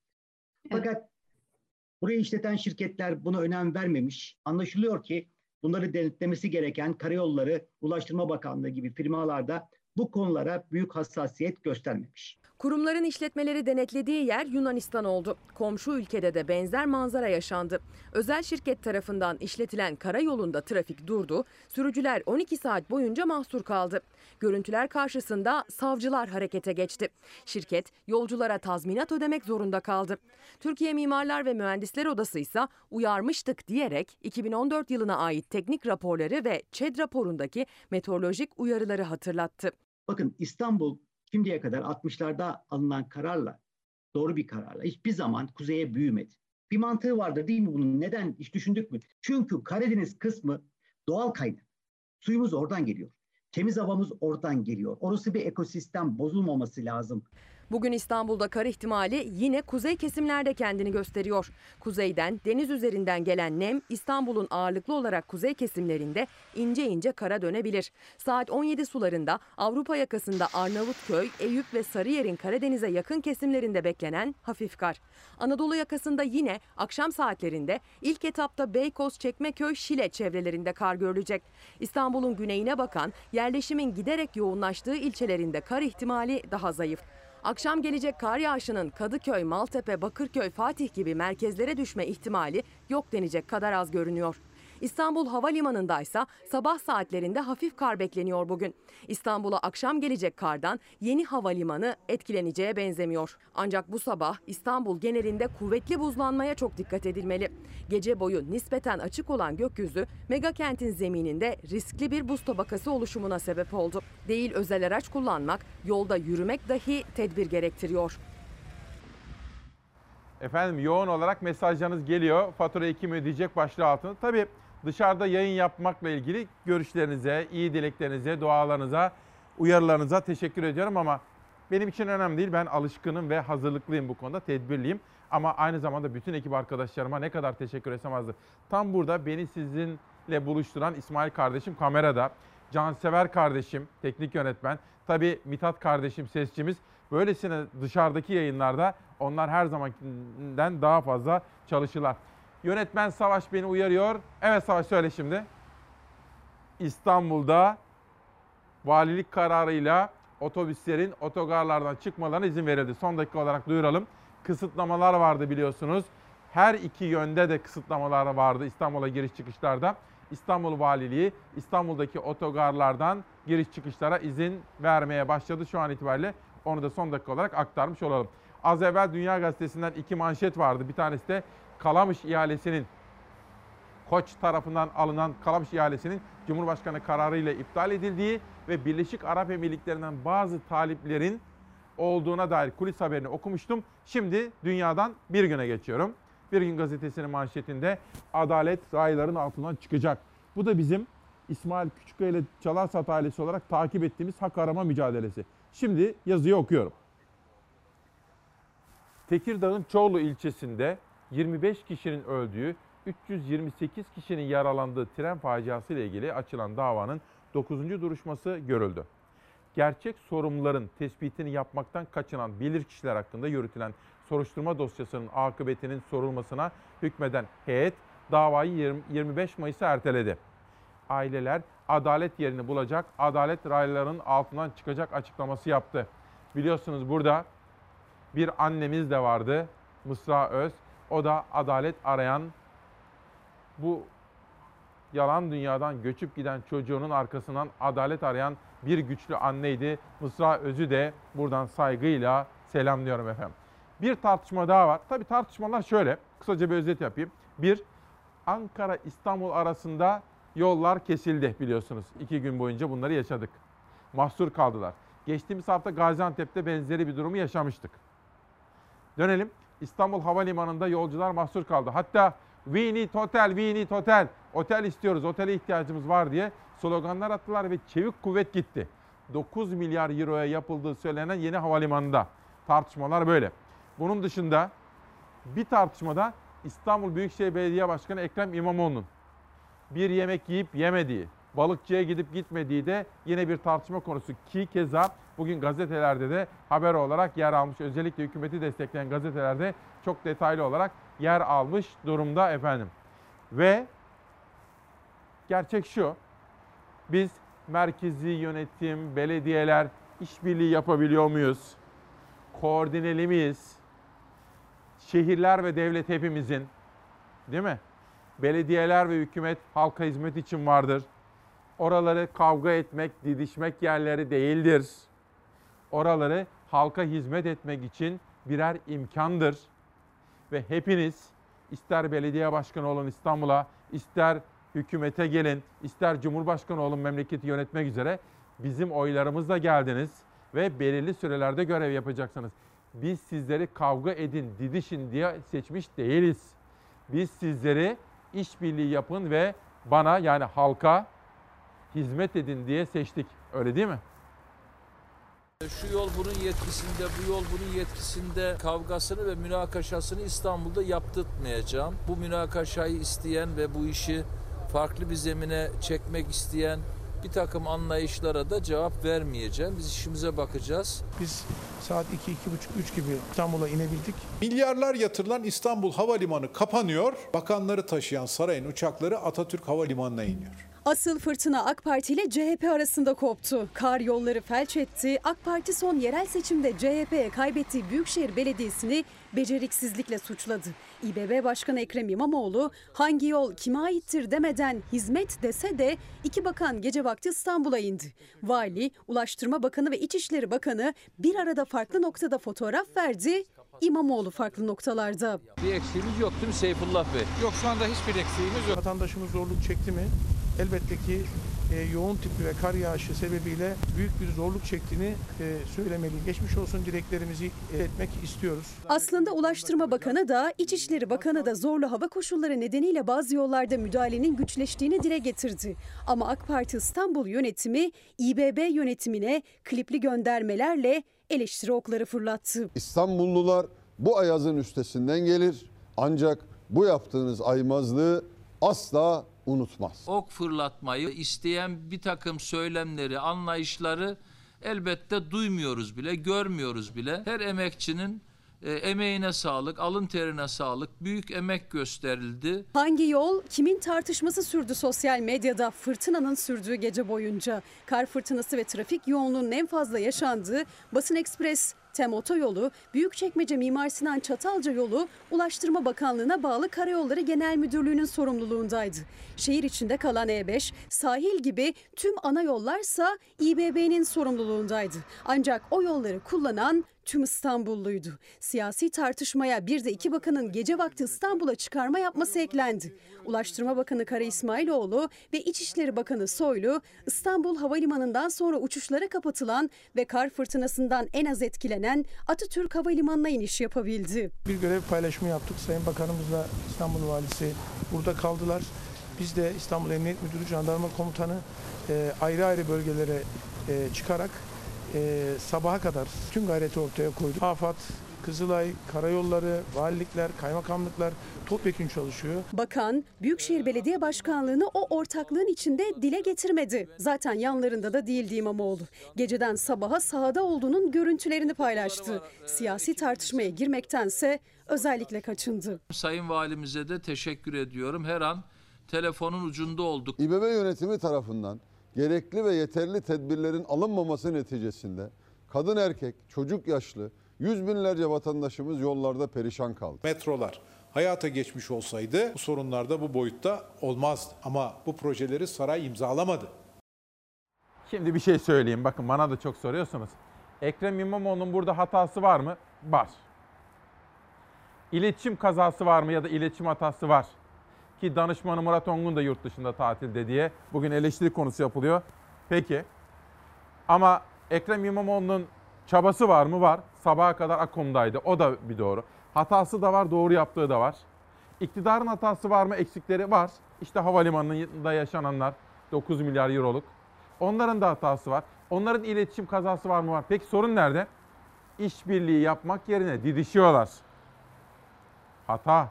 Halka hizmette yarışınız. İyilikte yarışınız efendiler, hanımefendiler. Ya. Şimdi bu arada bir acı kaybımız Ali Rıza Kural hocam söylüyor.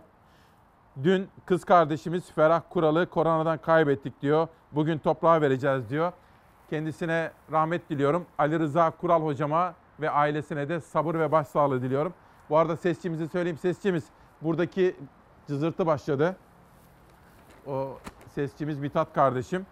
Bugün köşe yazarına baktığım zaman o çok sevdiğimiz, kıymetlimiz Fatma Girik'le ilgili Yılmaz Özdil'den bir yazı var. O yazıdan çok önemli bir paragrafı sizlerle paylaşacağım. Sözcüden Yılmaz Özdil. Salih Tuna da bugün başka hükümeti destekleyen gazetelerdeki pek çok yazar gibi Ekrem İmamoğlu'nu eleştiriyor. Fakat şöyle bir cümlesi var. Onu sizlerin dikkatinize getirmek istiyorum. Salih Tuna'nın bugünkü yazısından. Lamı cimi yok diyor. Başlıyor. Anlatıyor. Yani AK Parti'ye tepki oylarının kendisiyle alakası olmadığını hala fe- fehmedebilmiş değil diyor. Bu gülüşüne öldükleri Muharrem İnce'nin haline bakıp ibret almıyor. Yani şunu söylüyor Ekrem İmamoğlu eleştiriyor. Ağır eleştiriyor. Ama yazısının bir yerinde de diyor ki Ekrem İmamoğlu'nun almış olduğu oylar AK Parti'ye tepki oylarıdır diyor. Bu oyların tamamı Ekrem İmamoğlu'nun şahsına, siyasetine verilmiş oylar değildir. İşte bakın Yılmaz Özdil'den Salih Tuna'ya böylesine bir özeti sizlere sunmuş olayım. Yönetmenim Savaş'tan rica etsem de Pencere gazetesine geçsek. Mesela bakın Enerji Bakanı güzel konuşuyor. Dün de söyledim. Ama gerçek değişiyor mu güzel konuşunca? Hayır. Şehirlerin gazını kesemeyiz diyor ama sanayide gaz kesildi. Tanıdığım pek çok iş adamı fabrikaları kapattı. Bakın. Doğru mu? Doğru. Peki organize sanayi bölgelerinde elektrik kesildi mi? O da doğru. Yani televizyonlara çıkıp PR çalışması yapmak bir işe yaramıyor. Önemli olan çözmek, çözdükten sonra konuşmak lazım. Şimdi bir detay daha rica edeceğim Pencere Gazetesi'nden. Enerji kısıtlaması ile gelen üretim mağduriyeti tüketiciye de yansıyacak diyor. Öyledir efendim. Konuşmak değil, hayır.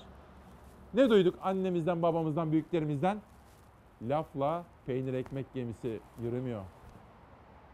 72 saatlik zor bir dönem geçecek. Bizim bir dakika bile durmamız binlerce lirayla ölçülüyor fabrika başına. Kütahya Organize Sanayi Bölgesi'nde 106 aktif fabrika var. 96'sı işine ara vermiş durumda. 10 fabrikada e, jeneratörle çalışıyor. Bizden beklenen tüm fabrikaların 10 gün içerisinde 3 gün durmaları. Türkiye ekonomisinin çarklarını döndüren sanayi kuruluşları bir yandan elektrik ve doğalgaz kesintisinin şokunu yaşarken bir yandan da enerji krizinin bir an önce sona ermesini bekliyorlar. Çünkü her geçen dakika üretim ve ihracata darbe anlamına geliyor. Ne yapacaksak yapalım, üretimi, istihdamı durdurmayalım. Büyük ölçüde telafi edemeyeceğimiz bir üretim kaybı yaşamayacağız. İstihdama herhangi bir etkisi e, olmaz ama e, üretim ve büyümemize tabii ki etkisi olacaktır. Firmalarımız e, fazla mesailerle daha uzun çalışarak, verimlilik artışları yaparak bunu yıllık bazda telafi edebilirler. Bizim endişemiz kısıntıların kesintilerine devam edeceği e, yönünde inşallah devam etmez. Üretim, yatırım, istihdam, ihracat ve büyüme hedefine odaklanan bir ekonomide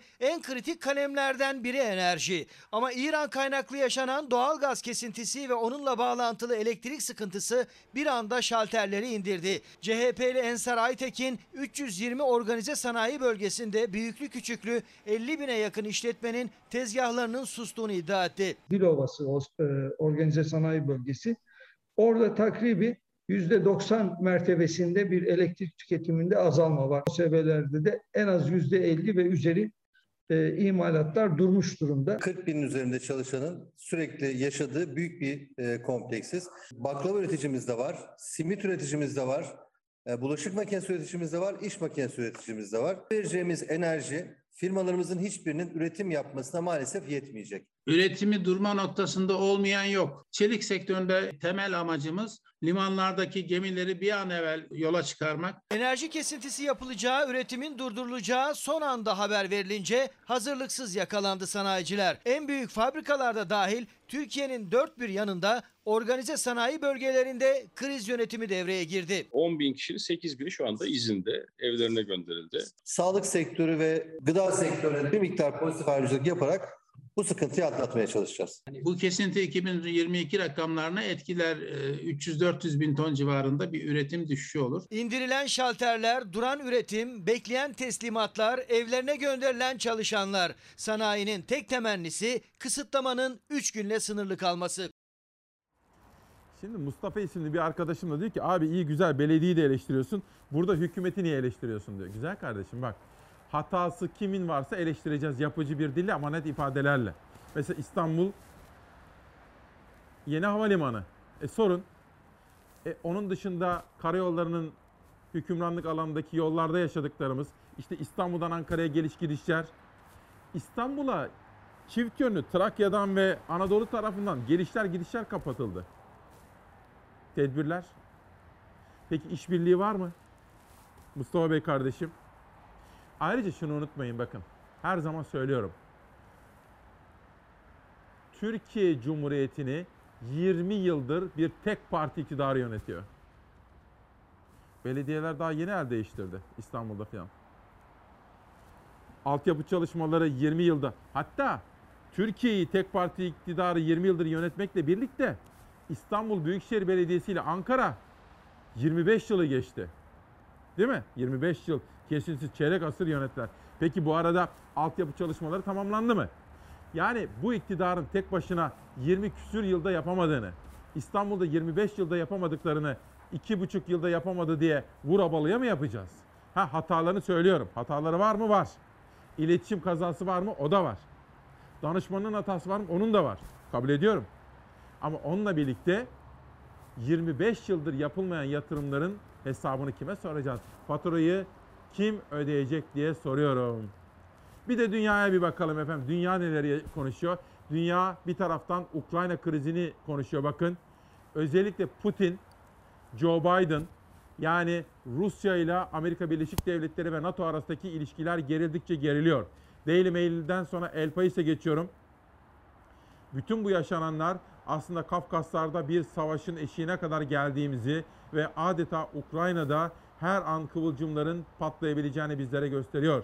Financial Times gazetesine geçtiğim zaman şimdi bakın fotoğrafın hemen yanında Batı ülkelerindeki müttefikler işte buna Avrupa Birliği'ni ekleyin, NATO'yu ekleyin, Amerika Birleşik Devletleri söyleyin ve onlar Rusya'ya karşı yaptırımları planlıyorlar efendim. Yani Rusya'yı sıkıştırdıkça sıkıştırmaya çalışıyorlar. Ukrayna haberini sizlere biraz sonra sunacağım ama önce dünyanın bir derdi daha var bizim olduğumuz gibi. Omikron. Fransa'da her gün vaka rekoru kırılırken son 24 saatte görülmemiş rakama ulaşıldı. Bir günde 500 binden fazla günlük vaka tespit edildi. Hollanda ise 3 hafta süren kısmi kapanma uygulamasına veda etti. Fransa'da günlük vakalar yarım milyonu geçti. Omikron varyantı salgına karşı korkuları azaltsa da Fransa tedbirin elden bırakılmaması gerektiğinin örneği oldu. Yoğun bakımlar doldu, hastaneler aşırı yük altında. Fransa'da sağlıkçıların sayısı az, çalışanlar da uzun saatler görev başında olmanın tükenmişliği içinde. Hastanelerde 30 binden fazla kişinin tedavi altında olduğu açıklandı. 4 bin yakın kişinin tedavisi de yoğun bakımda sürüyor. Hollanda'da temel ihtiyaçların satıldığı dükkanlar dışında ticari işletmeler 3 haftadır sadece kısıtlı saatlerde hizmet verdi. Başbakan Mark Rutte risk alıyoruz dedi. Ekonomik ve psikolojik unsurları gerekçe gösterdi. Ülkenin kısmi kapanmaya veda ettiğini duyurdu. Her ne kadar kısıtlamalar kalkıyor denilse de ülke genelinde birçok kapalı yere aşı kartı gösterilerek girilecek. 1,5 metre mesafe kuralının uygulanamadığı ortamlarda tıbbi maske takmak da zorunlu olacak. Dünya Sağlık Örgütü direktörü omikron varyantı hakkında konuştu. Yolun sonunda olduğumuza inanmamalıyız dedi. Dünyanın hala en büyük önceliği salgını bitirmek diyen direktör, tüm ülkelerin aşılama oranını %70'in üstüne çıkarması gerektiğini ifade etti. Bugün faturayı kim ödeyecek dedik efendim. Bütün ülkemizin gerçeklerini konuşmaya devam ediyoruz. Ama şunu unutmayın, başkaları görmezden geliyor. Şunu tartışmıyorlar efendim. Bu ülkenin sanayisi şu anda kapalı pek çok yerde. Kesintiye gidildi 10 günlük. Bizim depolarımız nerede? Yedeklerimiz nerede? B planı, C planımız nerede? Gereken tedbirleri almak nerede? Dışa bağımlılığı azaltıp riskleri indirmek minimuma nerede? Bunlar planlama, strateji. Bunu sormanız gerekiyor. Türkiye'm her şey sizin için. Peki gelin organize sanayi bölgelerine. Türkiye'nin üretim hub'ı yani üretim merkezleridir. Elektrik veremiyoruz. Fabrikalar kapandı. E ne oldu büyük Türkiye o zaman? Ben çok isterim Türkiye çok büyüsün, çok büyüsün. Amerika'yı geçsin, Rusya'yı geçsin, Çin'i geçsin. Ama böyle kar yağdı diye elektrik vereme OSB'ye. Doğalgaz kesintisi. O zaman büyük ülke olabilir miyiz? Bizi yönetenler, 20 yıldır bizi yöneten iktidarların bunları da düşünüp gereken tedbirleri alması gerekirdi. Şimdi bir arkadaşım da bana diyor ki üşümüyor musun İsmail'im diyor. Ya bizim üşümemiz önemli değil. Bakın şu anda Hakkari'de, Diyarbakır'da, Kütahya'nın dağlarında, Uşak'ta, Trakya'da, Türkiye'nin dört bir tarafında hatta sınırlarımızın ötesinde mesela Suriye'de çok farklı yerlerde buz gibi havada vatan için, hepimiz için nöbet tutan kahramanlarımız var.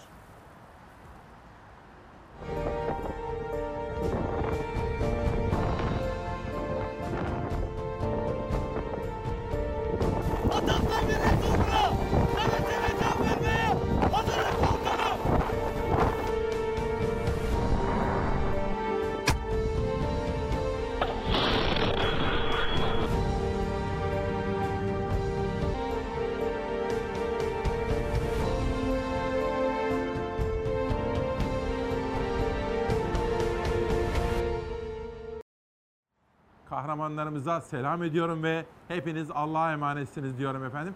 Bir de yerel gazetelere bir bakalım. Türkiye'mizin farklı illerindeki manşetler. Antalya Körfez. Antalyalıların 29 yıllık hasreti bitti. Beyaz Bayram. Dün Antalya'daki dostlarımızın da bizlere gönderdiği fotoğraflar, haberler vardı. Sizlere okumuştum. Antalya ve Bodrum. Hatta Bodrum'da da çok yağış oldu dün itibariyle. Uzun yıllar sonra Antalya ve Bodrum kar yağışıyla tanıştı. Diyarbakır'a geçelim. Tigris gazetesi Diyarbakır Organize Sanayi Bölgesi elektrik kesintisinden etkilendi. İran'dan gelen doğalgaz iletim hattında meydana gelen arıza nedeniyle başlatılan elektrik kesintisi Diyarbakır Organize Sanayi'de üretimi durdurdu. OSB Başkanı Mustafa Fidan temennimiz kesintinin 3 gün ile sınırlı olmasıdır dedi. Bursa Olay. Biraz yukarıya doğru çıkacağız arkadaşlar. Bursa Olay gazetesinde ekmek manşeti gördüm. Çok dikkatinizi çekmek istiyorum. Bakın Bursa olay. Vatandaşın almak için kar altında bile sıra beklediği ucuz Besaş ekmeğine %37,5 zam yapıldı. 400 gram ekmek 2 liradan 2.75 liraya çıktı. Bakın 400 gram ekmek 2 liradan 2.75 liraya çıktı. Ha şunu da söyleyeyim hakkını yemek istemem. Biraz evvel eleştirdim de. Ne görüyorsak o hakem gibi. Eyyamcı olmayacağız. Ama şunu da söyleyeyim. Bu karda kışta 1 lira 25 kuruş ekmek almak için bekleyenler var. Onlara ekmeği tedarik edebilmek için İmamoğlu ve belediyesi yoğun bir çalışma sergiliyor. Bunun da hakkını vermek istiyorum. Eleştireceğimiz zaman eleştirelim ama şunu da unutmayalım. Şu anda bile kuyrukta insanlar bekliyorlar. halk ekmekte ve belediye dedi ki her türlü fedakarlığı yapacağız. Ekmek üretim kapasitemizi artıracağız ve vatandaşa ucuz ekmek vermeyi de sürdüreceğiz dedi. Ha, eğriye eğri, doğruya doğru diyelim ve bir sonraki gazeteye geçelim. Yerel gazeteler. En son Bursa'da kalmıştık. Van Sesi. Van Hakkari Tabip Odası Başkanı Doktor Hüseyin Yaviş'ten önemli açıklama. Sağlıkta ciddi sorunlar yaşıyoruz diyor efendim. Bir de bir reklam arası müsaade edeceğim. İsteyeceğim sizlerden çünkü sıcak böyle bir çay içeceğim. Değil mi? Hava soğuk. Ama kitap tanıtımlarına da devam edelim. Tanzimat dönemi Osmanlı vergi hukuku. Bir süre önce beni aramıştı. Memleketi konuşmuştuk. Doçent Doktor Abdülatif Şener ve bu eski kitabını bana gönderdi. Hatta bu kitapla birlikte Çiğdem Toker'in kendisiyle ilgili yapmış olduğu bir röportaj kitap vardı. Onu da bana gönderdi sağ olsun. Bu da hayallerim, prensiplerim ve yaşadıklarım. Bir iş insanının Yılmaz Öztaşkın'ın yaşamış olduğu tecrübeler ve o tecrübeler ışığında kaleme aldığı hayat öyküsü de bizimle birlikte. Efendim doğrusu biraz üşüdüm. İstanbul'a şöyle biraz yukarıdan bakalım, gökyüzünden bakalım. Aziz İstanbul'a ondan sonra da devam edelim.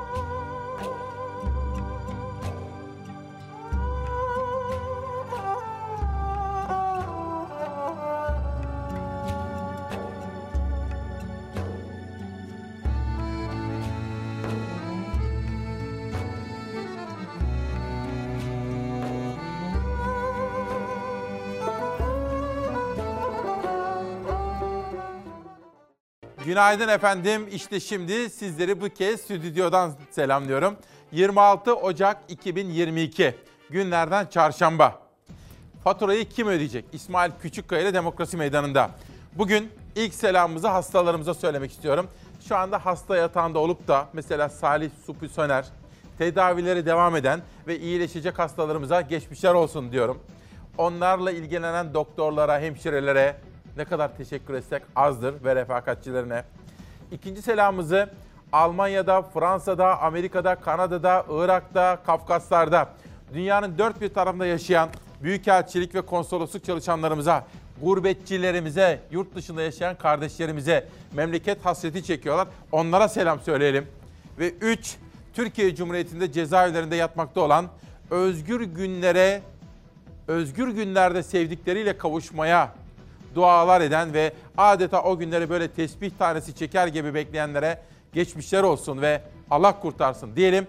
Ve şimdi Savaş Yıldız'dan rica edelim Pencere gazetesi gelsin. Faturayı kim ödeyecek?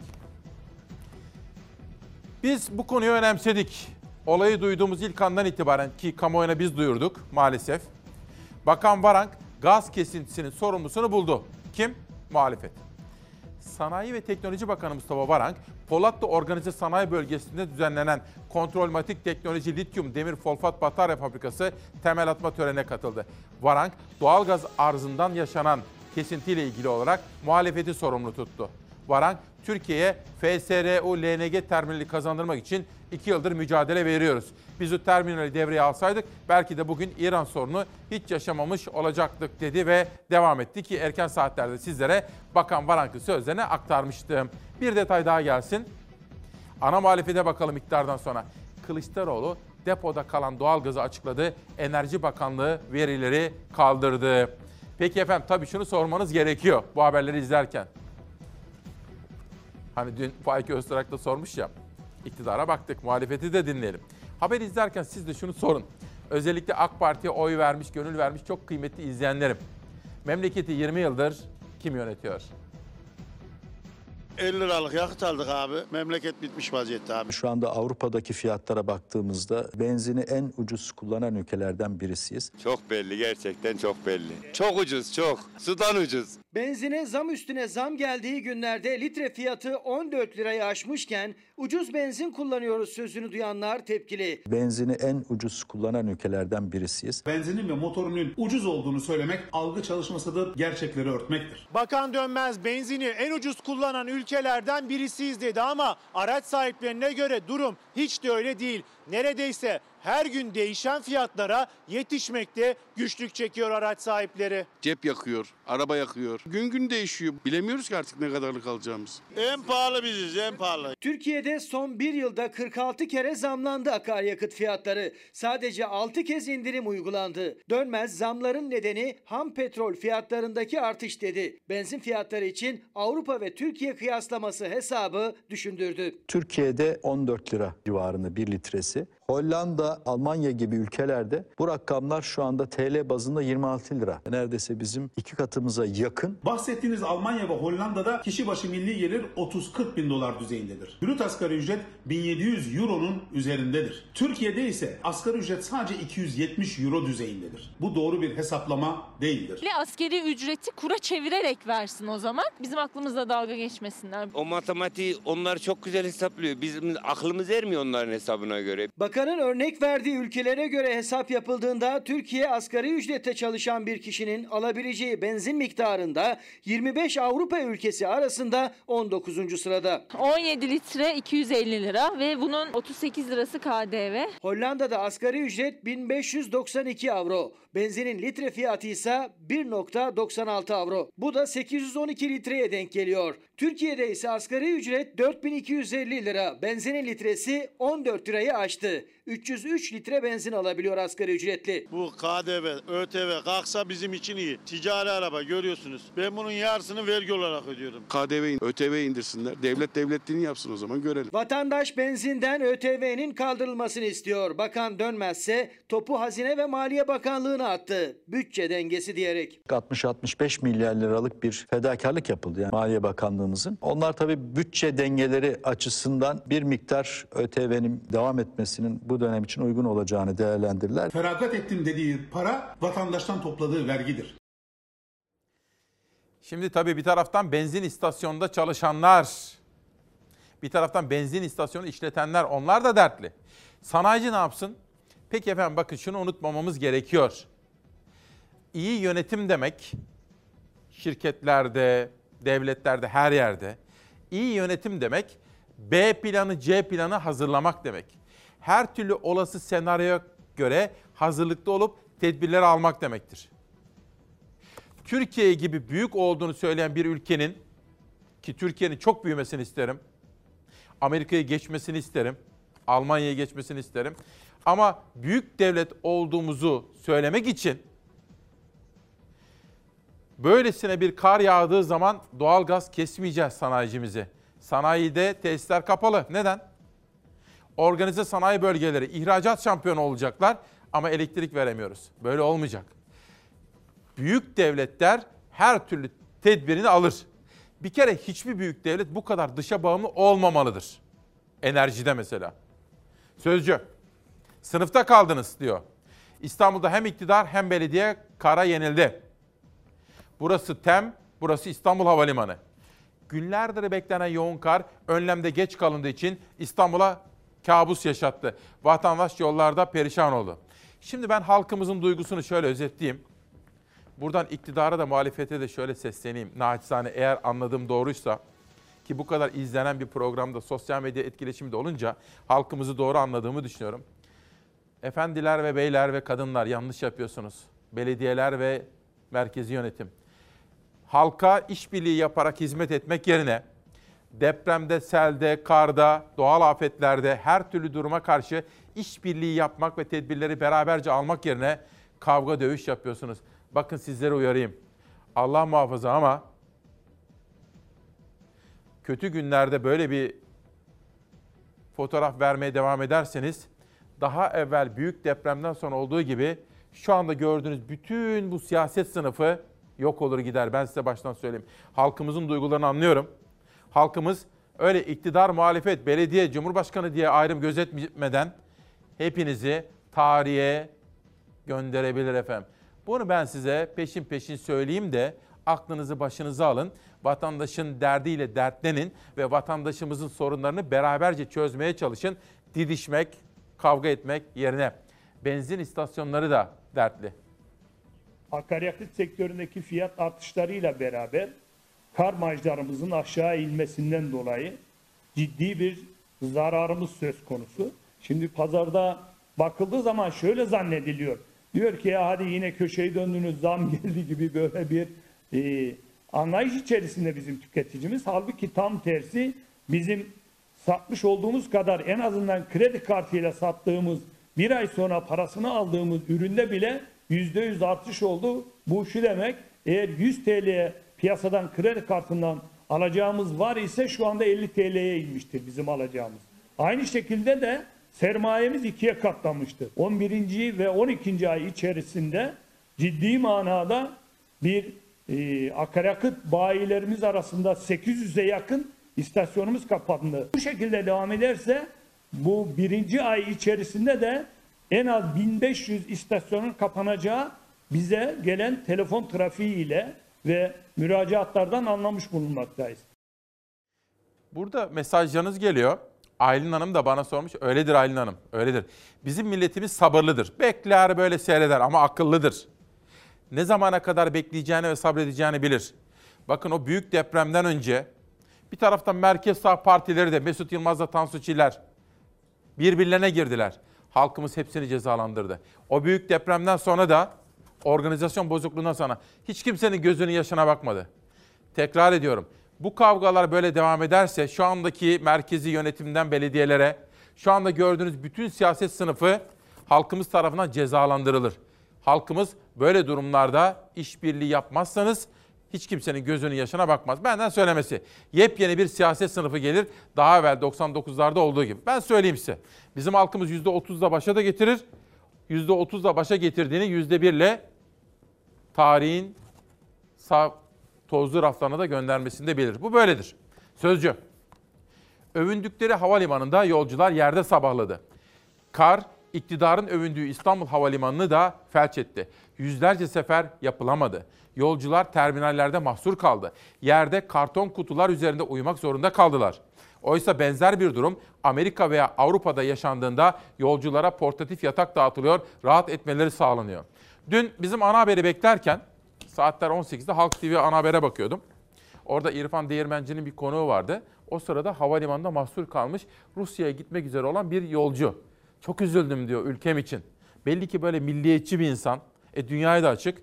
Rus pilot neler söylemiş? Demiş ki büyük büyük havaalanı yapmışsınız ama o havaalanını işletecek bir donanım, teçhizat, insan birikimi var mı diye sormuş. Çok üzüldüm dedi. Şöyle, Rusya'da mesela bizim şu günlerde yaşadığımız gibi hava bütün kış sezonunda yaşanıyor. O Rus pilot da öyle söylemiş. Demiş ki e, o zaman Rusya'da hiçbir zaman hava yolu taşımacılığı yapılamazdı. İşte bunları da düşünmemiz gerekiyor Türkiye'm. Her şey ülkemizin esenliği için diyorum. Şimdi geçtiğimiz haftadan itibaren gündeme taşıdık. Önemli olduğunu düşünüyorum. Şöyle, mesela iş adamısınız, iş insanısınız. Sanayi tesisiniz var veya organize sanayi bölgesinde işletmeniz var, atölyeleriniz var. Doğalgaz kısıntısı, kapat dükkanı, fabrikayı, atölyeyi, fırını. Kapat organize sanayi bölgesindeki yerleri. E o zaman ne anladım ben bu işten? Elektrik faturası ne kadar geldi? Bedava 800. Kaç hanemiz 150 kilowatt saatin altında kalmış? Kaç hanemiz bu birinci kademenin üstüne çıkmış? Bu verileri önce alacağız, değerlendireceğiz. Hakikaten bir ihtiyaç varsa burada tekrar bir e, miktar e, değişikliğine gidebiliriz. 500 lira. Daha önce ne kadar geliyor? 120-130. Ne düşünüyorsunuz bunları?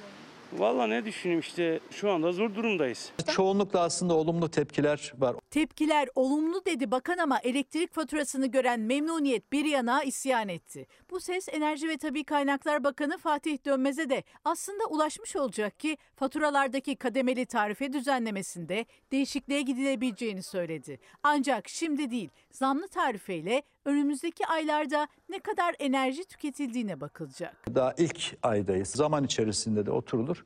Burada bir ihtiyaç varsa tabii ki e, güncellenebilir. Madem yapabiliyorlar niye yapmıyorlar?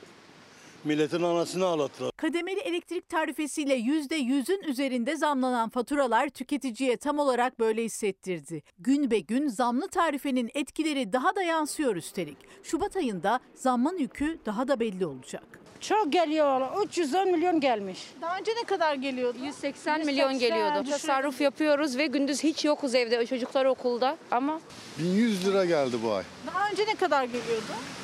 150-200 lira arası geliyordu. Tasarruf yapacak mısınız? Ya nasıl yapalım ki ısınıyoruz, yakıyoruz. Yani zaten e, tasarruflu yaşıyoruz. Düzenlemeyle çözülecek gibi değil. E, gelen zam oranları çok yüksek. Ortalama e, 140 ila 150 kilowatt saat arasında. Bakan Dönmez 150 kW sınırını Türkiye ortalamasına göre belirlediklerini söyledi. Kademeli elektrik tarifesine göre konutlarda aylık 150 kW'ın altında kalan tüketim için %52, bunun üzerindeki tüketim içinse %127 zamlı oldu fiyatlar. Tüketiciler elektriği ne kadar kıssa da tüketime 150 kW saatin üstüne çıktı. Çıkan çıkmayan fahiş zamlardan kurtulamadı. Artık elektrik düğmesine basmaya, ışığı yakmaya, ısınmaya korkuyor haneler. Doğalgazım yok. Elektrik yaktığım için 500 geldi. Yakıyorum. Gece 12'den sonra kapatıyorum. Ee, battaniyenin altında sabaha kadar üşüyerek 3 kişiyiz evde. Çocuğum, ben, hanımım. Kaç hanemiz 150 kilowatt saatin altında kalmış? Kaç hanemiz bu birinci kademenin üstüne çıkmış? Bu verileri önce alacağız, değerlendireceğiz. Hakikaten bir ihtiyaç varsa burada tekrar bir e, miktar e, değişikliğine gidebiliriz. Elektrik faturanız ne kadar geldi? Ne sen sor ne ben söyleyeyim. Sordum artık. 200 milyon elektrik geldi bir kişi yaşıyorum. Doğalgaz 600. O da geceleri kapatıyorum. Vatandaşın gündemi faturalar. Gürkan Zorlu da örnekler güzel ama anlamak istemeyene ne yapacağız diyor. Gürkan hocam herkes anlar diye düşünüyorum ben.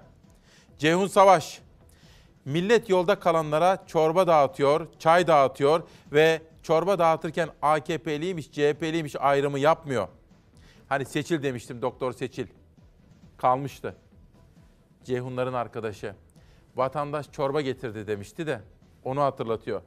Bizim vatandaşımız hep söylerim bakın sabırlıdır ama sabrı bir yere kadar. Sabrını taşırmayacaksınız kavgayla dövüşle. Vatandaşımızı iyi tanıyacaksınız. Şimdi tabii bunu okudum. İyi ki Atatürk var. Neydi? Kısaca bir özet yapayım. Cumhurbaşkanı Erdoğan'ın talimatıyla Ankara'dan İstanbul'a kriz yönetmek üzere gönderilen iki bakan var. Ulaştırma Bakanı ve İçişleri Bakanı. Onlar yeni havalimanına inemediler hava muhalefeti nedeniyle ancak Atatürk Havalimanı'na indiler de Cumhuriyet Gazetesi bugün iyi ki Atatürk var manşeti atmış. Bir de hükümete yakın gazetelere bakalım. Erken saatlerde de bakmıştık. Şimdi tekrar edelim başka gazetelerle. İstanbul evine gidemedi diyor Albayrak grubunun gazetesi Yeni Şafak. Pazartesi gecesi İstanbul için en zor gecelerden biri oldu. Yoğun kar yağışı, yol açma ve temizleme çalışmalarının yetersizliğiyle birleşince şehrin iki ana yolu E5 ve TEM'de trafik durdu. Mesai çıkışı eve varamayanlar ya arabasını bırakıp yürümeyi tercih etti ya da arabada en yakın camide ve AVM'de sabahladı. Bir soru soracağım. Sizce bu güç dönemlerde en zorluk yaşayan kesim kimdir? Tabii emekliler. Çünkü onlar 2500 lira maaş ile geçinemezler. Gönlümüz el vermez. Başka? Tabii esnaf. Yaklaşık 2011 yılından beri esnafım. Günümüz daralan piyasasında gün geçtikçe artık her işe saldırır olduk. Bugün gün içerisinde beni yaklaşık 4 tane müşterim aradı. Bunlar besi çiftliklerin sahipleri. Birkaç ay öncesine kadar yaklaşık 2500 lira, 2000 lira civarında faturası gelen insanlar şu an 4,5-5 bin lira civarında faturası gelmeye başlamış. Ve bunların e, elektrik arızasından mı e, yoksa yeni gelen zamlardan mı onu algılayamadılar. Çünkü bir seferde bu kadar zamın gelebileceğini düşünememişler. Mesela daha yeni açmış 2-3 aylık bir esnaf arkadaşımız var. Ee, bu ay kendisine yaklaşık 5800 lira fatura geldiğini bildirdi. Geçen ay 2700-2800 lira fatura geliyormuş. Bu dükkanı ayakta tutmam için yaklaşık 1 ton kömür yakmam lazım.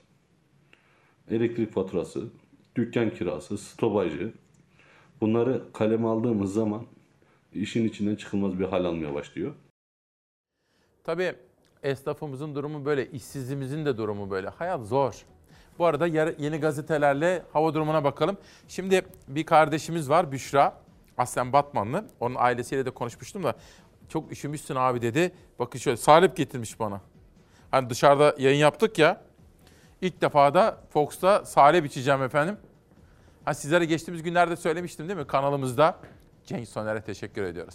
Bütün çalışan arkadaşlarımıza kahvaltı ikramı başlamıştı bundan 2-3 hafta kadar önce. Teşekkür etmiştim de geç bile kaldık İsmail kardeşim demişti. Bütün yönetimimize çok teşekkür ediyoruz. Posta.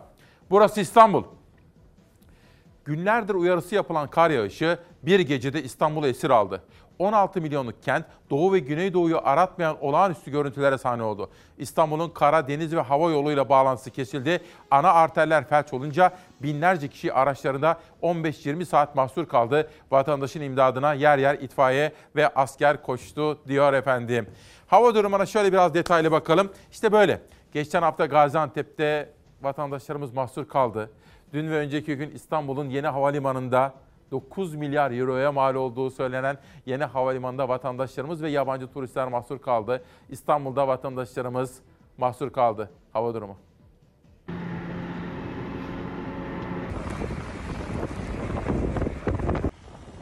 Evet, evet, evet öyle, öyle.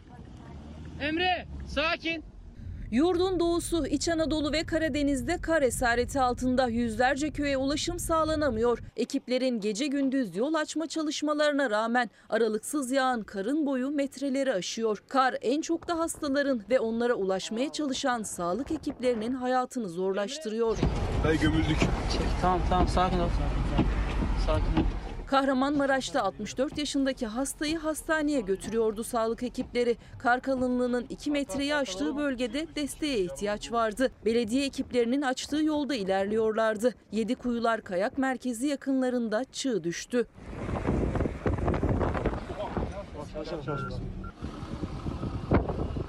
Geri, geri doğru çıkabilir misin? Sağlıkçılar da ambulanstaki hasta da ölümle burun buruna geldi o anlarda. Neyse ki önlerinde iş makinesi vardı. Kurtarılmaları uzun sürmedi. Şu an yedi kuyular yolundayız. Bizden gidiyordu çığ düştü. Aşağı uçurum. Rize'nin Pazar ilçesinde yolu karla kapalı köyde mahsur kalan 90 yaşındaki hastanın imdadına iş makinesi yetişti. Yaşlı kadın ambulansa kadar kepçeyle taşındı.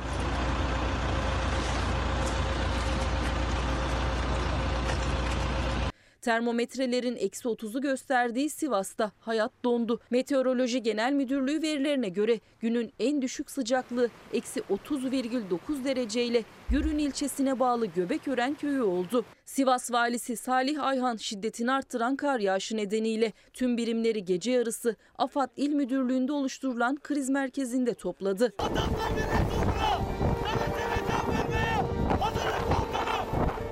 Mehmetçik'te tüm zor ve soğuk hava şartlarına rağmen görevde eksi 39 derecede kar kalınlığının 7 metreyi bulduğu noktalarda elleri tetikte gözleri mevzide. Mehmetçiğin tüm zor şartlara rağmen sürdürdüğü vatan nöbetini Milli Savunma Bakanlığı bu videoyla paylaştı. Çiftçimize bir bakacağız. Esnafımızdan sonra bu haberde Ebru Sağ haberiydi. Ebru Sağ Okura'da çok teşekkür ediyorum. Bu hafta bize takviye güç olarak geldi efendim. Bakın Dünya Gazetesi'nden okumuştum. Sol Haber de manşet yapmış. Koç'un kazandığı bir ihale, Kalamış yat ihalesi iptal edildi. Cumhurbaşkanı Erdoğan'ın kararıyla. Koç'un aldığı ve iptal edilen o ihaleye şimdi Birleşik Arap Emirlikleri'nden talipler varmış efendim.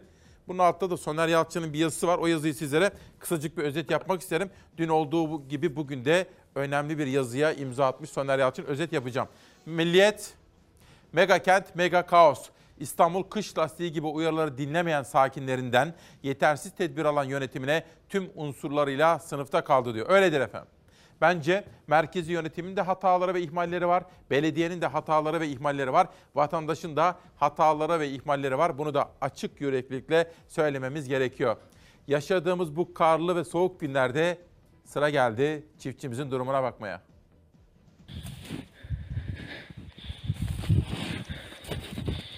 Dondurucu soğuk hava yurdu sardı. Yurdun en güneyinde dahi sahiller 25-30 yıl aradan sonra kar aldı. Seralarda zirai don nöbeti ise haftalardır aralıksız devam ediyor zaten.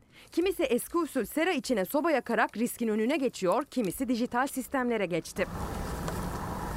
Burası Karaman Narlıdere köyünün Emeksu mevkisindeki seralar. Akdeniz'in yakın komşusu Karaman'da ise yoğun kar yağışı çiftçiyi kar altında bıraktı. Bir metre kar yağdı, seralar yerle bir oldu. Yaklaşık 1500 metreye yakın bir seranın çöktüğünü görüyoruz. Burada gördüğümüz kadarıyla bir metreye yakın kar var. Üreticimiz çok zor durumda.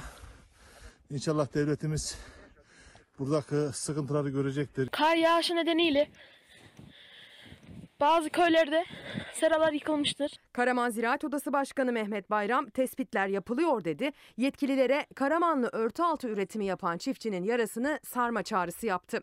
Antalya'da ise gelişmiş Avrupa ülkelerinin sistemleri kullanılmaya başladı seralarda. Bazı seralarda dijital tarım uygulamaları sayesinde sera içindeki ısı cep telefonundan takip ediliyor. Antalya Büyükşehir Belediyesi'nin de dijital tarım uygulaması var. Ee, bunda tanışmış olduk. Çok güzel oluyor. Uzaktan e, e, uygulamayla, telefonumuza indirdiğimiz bir uygulamayla e, sera içeri iç oransal ısıyı, iç oransal nemi, toprak ısısını, toprak pH'ını hepsini takip edebiliyoruz. Sadece ısı da değil, gübreleme konusunda da su konusunda da bize çok faydası dokunuyor. Çok güzel bir uygulama. Büyükşehir Belediyesi'nin tarım arazilerinde verimliliği arttırmayı amaçladığı akıllı tarım uygulamaları Kumlucalı üreticinin yüzünü güldürdü. Türkiye'de ilk uygulanan sistemle üreticiler seralardaki sıcaklık değişikliklerini cep telefonundan takip ediyor. Evim benim 3 kilometre ileride. Oradan gel git masrafına hani gerek kalmıyor yani. Ee, direkt e, hani telefonu açtığımızda dijitalden bakıyoruz. Sadece sıcaklık değil, gübre ve ilaç ihtiyacı da ölçülebiliyor. Çiftçi hem sudan hem gübreden hem de ilaçtan tasarruf ediyor. Bu sistemle birlikte e, hem fazla ilaçlamanın da önüne geçiyoruz. Çünkü hastalık ve zararlılar belli ısı ve nemde daha hızlı yayıldığı için hastalığın ve zararlının yayılmasını da engellemiş oluyoruz. Yurdun pek çok yerinde yağışlar hem yeraltı hem yerüstü su kaynaklarını besledi. Yüz güldürdü. Ama Samsun Bafra'da durum farklı. Bafra Ovası'nın yağışlardan dolayı Bafra Ovası'nın bütün suları bu alandan e, denize doğru akmakta normalde. Deniz yolunun kapalı olduğu için buraları tarım arazilerini, insanların evlerini, ahırlarını tamamen su bastı. Samsun'un Bafra ilçesinde Kızılırmak Nehri'nden beslenen tarım arazilerinin sulanmasında kullanılan Düden kanalı yağışlar ve eriyen kar nedeniyle taştı. İlçenin Doğanca mahallesinde taşkın sonucu tarım arazileriyle yaklaşık 30 evin zemin ve bodrum katları su altında kaldı. Sabahleyin e, bu su yaklaşık 20 santim daha fazlaydı. Sabahtan bu yana açıldı yani müdahale edildikten sonra yaklaşık 20 santim hemen aşağıya düştü bu su seviyesi. Yani müdahale edildiği takdirde buranın su baskınının engellendiğini gözümüzle görmüş olduk. Sorunu ilk defa yaşamadığını söyleyen bölge köylüsü çözüm istiyor. Bu haberi de Ezgi Gözeger hazırladı. Bugün haber masasında 3 arkadaşım vardı. Ebru ve Ezgi'nin dışında Beyza Gözeyik vardı. Gündem çalışmamızda Nihal Kemaloğlu ile yaptık. Savaş Yıldız kardeşim yönetmen. Onun yardımcılığında Kardelen yaptı. Kurgu servisinde de Uğur Gök vardı ve Uğur Recep Aydın vardı. Gürol Kuraman vardı. Onlara da çok teşekkür ediyorum. Orkun Özgül de grafik servisteydi. Rejideki bütün ekip arkadaşlarıma ve bizi yayın sırasında sosyal medyadan destekleyen Fox'un sosyal medya ekibine, Ankara ve İstanbul bürolarımızdaki bütün Fox ailesine de teşekkür ederim. Milliyetten Türkiye'ye geçiyorum. Megaköy. Niye söylüyorum efendim? Çünkü emeğe saygı kutsaldır. Siz beni görüyorsunuz ama o çabanın arkasında muazzam bir emek var, bir ekip çalışması var. Mesela sesçimiz Mitat, Mersin Mutlu. Mesela Cansever abimiz, Amasyalı. Bütün ekip arkadaşlarıma emekleri için teşekkür ediyorum. Beni sizlerle, sesim ve görüntümü sizlerle buluşturduğu için. Mega Köy demiş İhlas grubunun gazetesi. Dünyanın 14. büyük şehri mevsim normalindeki yağışı kaldıramadı. On binlerce kişi dağ başındaymış gibi şehrin ortasında mahsur kaldı. Ama şunu söyleyeyim. Tabii ki hataları söylüyorum. Merkezi yönetimin, belediyelerin, halkımızın, hepimizin hataları var. Ama şunu da söylemeliyim. Gerçekten yoğun bir yağış aldık. Bir de Ezgi'nin ifade ettiği gibi yağışın çokluğu değil. Bu kez her zamankinden daha uzun süre yağdı. Hani meteoroloji bile dedik ya 6 gün boyunca İstanbul ve bütün Türkiye'de aralıklarla da olsa yağış olacak dedi. Böylesine zamanlarda hamilelerimizi de unutmayalım. Yani ben böyle bir günde doğurmayı hiç hayal etmedim öncelikle. Hayal ettiği gibi değildi çünkü iş makinesiyle doğuma gitmek hiç aklına gelmemişti. Yolların kapandığı gece sancılanan genç kadın bebeğini sağlıkla kucağına aldı. Daha benim bugüne e, kontrolüm vardı. E, ama bebeğim birazcık e, sürpriz yapmak istedi sanırım. Karlı havayı sevdi mi? İstanbul'da yoğun kar yağışının yaşandığı o gece sancılandı Rabia Akça. Baba Ercan Akça Kayaşehir'deki evlerinden hastaneye ulaşabilmek için ambulansı aradı.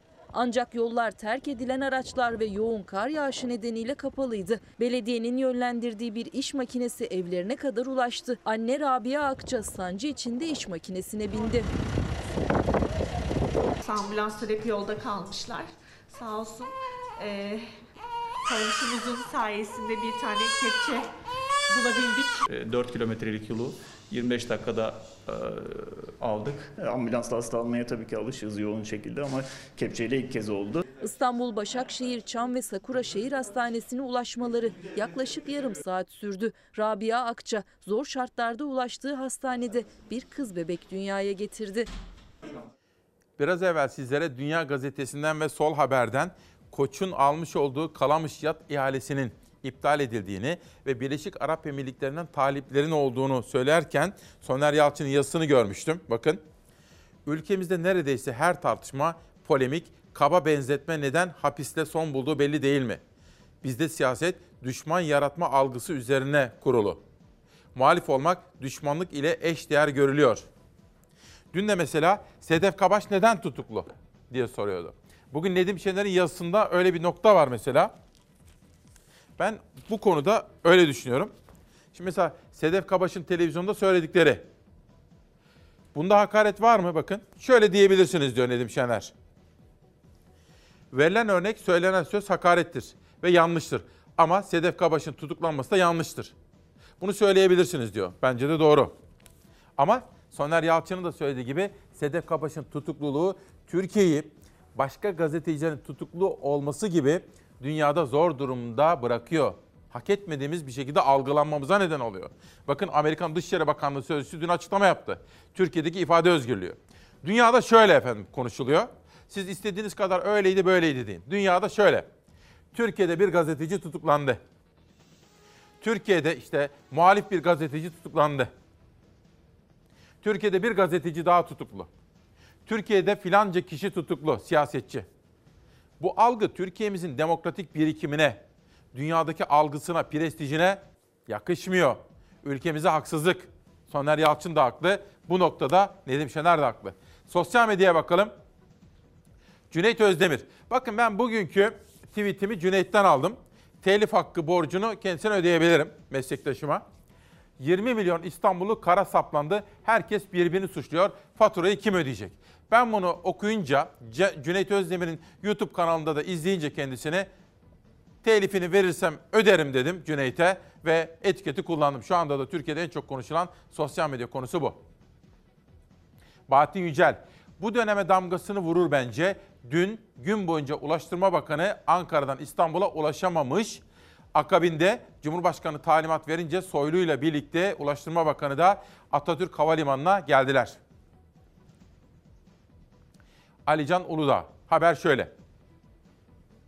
Süleyman Soylu ve Adil Kara İsmailoğlu Cumhurbaşkanı Erdoğan talimatıyla karın yağdı İstanbul'a gitti. İki bakanı taşıyan uçak kapalı olan İstanbul Havalimanı'na değil, iktidar tarafından kapatılan Atatürk Havaalanı'na iniş yaptı diyor. Soruyor ya talimat vermeseydi. İstanbul Havalimanı'nda tüm uçuşlar durduruldu. İşte bakın bu da 9 milyar euroluk Atatürk İstanbul Havalimanı'nın yaşadığı durum Dünya Gazetesi'ne manşet olarak yer almış. O halde hava durumuna biraz daha detaylı olarak bakalım.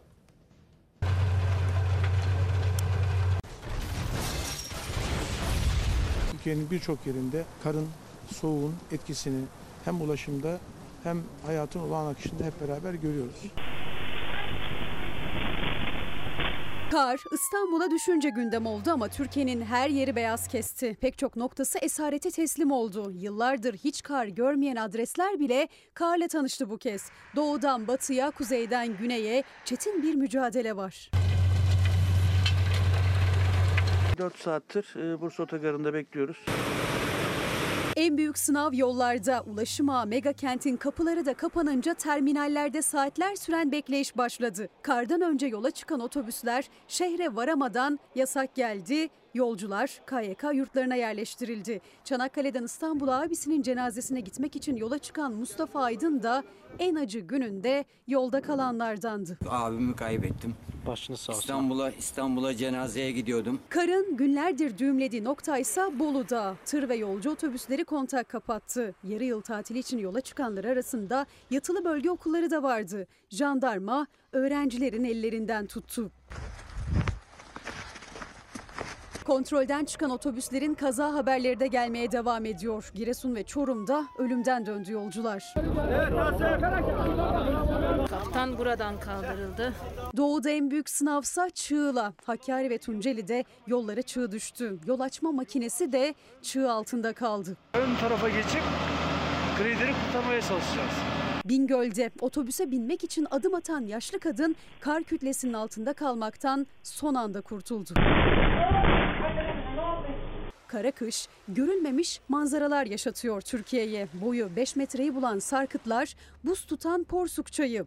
Yılın çoğu günü güneşin göz kırptığı tatil bölgeleri de beyazla tanıştı. Marmaris'e 13 yıl sonra, Antalya merkeze ise 29 yıl sonra kar yağdı. 2022'nin en büyük sürprizi oldu. Şimdi bakın Aytun Çerkin de diyor ki Adalet Bakanlığı mesai saatleri dışında kapsamında yakalanan kişiye makul bir sürede adli makamlara başvurmayı taahhüt etmesi şartıyla Cumhuriyet Savcısının emri doğrultusunda serbest bırakılması imkanı getirildi dedi. Peki Sedef Kabaş kaçta gözaltına alındı? Yani şunu yapsalardı ne olurdu mesela? Tamam anlıyorum Sayın Cumhurbaşkanı çok kızdı. Adalet Bakanı da mesela. Ki Adalet Bakanı'nın hukuka yaklaşımını önemserim. Bence ilk defa hata yaptı. Herkes konuşabilir bakın. Mesela Cumhurbaşkanı'nın kızmasını anlayabiliyorum. Ama adalet mesela Ömer Çelik AK Parti sözcüsü haklı. Tweet atabilir. İbrahim Kalın, Fahrettin Altun, bakanlar, AK Partililer. Fakat Adalet Bakanı tutacak kendini. Çünkü Adalet Bakanı. Önüne gelecek mahkemelerin. Ya Adalet Bakanı bunu düşünürse bana hak verecektir efendim. Kendisinin yaklaşımlarını önemserim, değerli bulurum. Kendisini dürüst bulurum adalete olan inancını bilirim. Ama Ömer Çelik gibi, Fahrettin Altun gibi böyle duygularına kapılarak Cumhurbaşkanı'nın kızdığı o konuda tweet atması yanlış oldu. Hayır. Mahkemeler zaten gereğini yerine getirecektir. Önüne bakacak, öndeki hukuk, hukuk metnine. Şimdi sorumu sorayım. Eğer Sedef Kabaş'a bir talimat gitseydi, diyelim şu saatte ertesi gün saat 9'da şu mahkemeye Çağlayan'a gelin ifadenize başvurulacak denseydi ne olurdu? Bu arada efendim bir önemli gelişme bundan 5 ya da 6 gün önce gördüm. Ajanslarda ve Rütük'ten bir açıklama vardı. Disney grubu ki dünya çapındaki bir gruptur. Eğlence sektörünün küresel çaptaki en büyük markalarından biridir. Disney grubu 10 yıllık bir lisans aldı. Bakın Disney Plus çok yakında. Ben de arkadaşlarımdan rica ettim. Şöyle bir okumama müsaade ediniz. Çünkü Türkiye'deki eğlence sektörünü de önemli oranda etkileyeceğini düşünüyoruz. Disney Plus çok yakında Türkiye'de.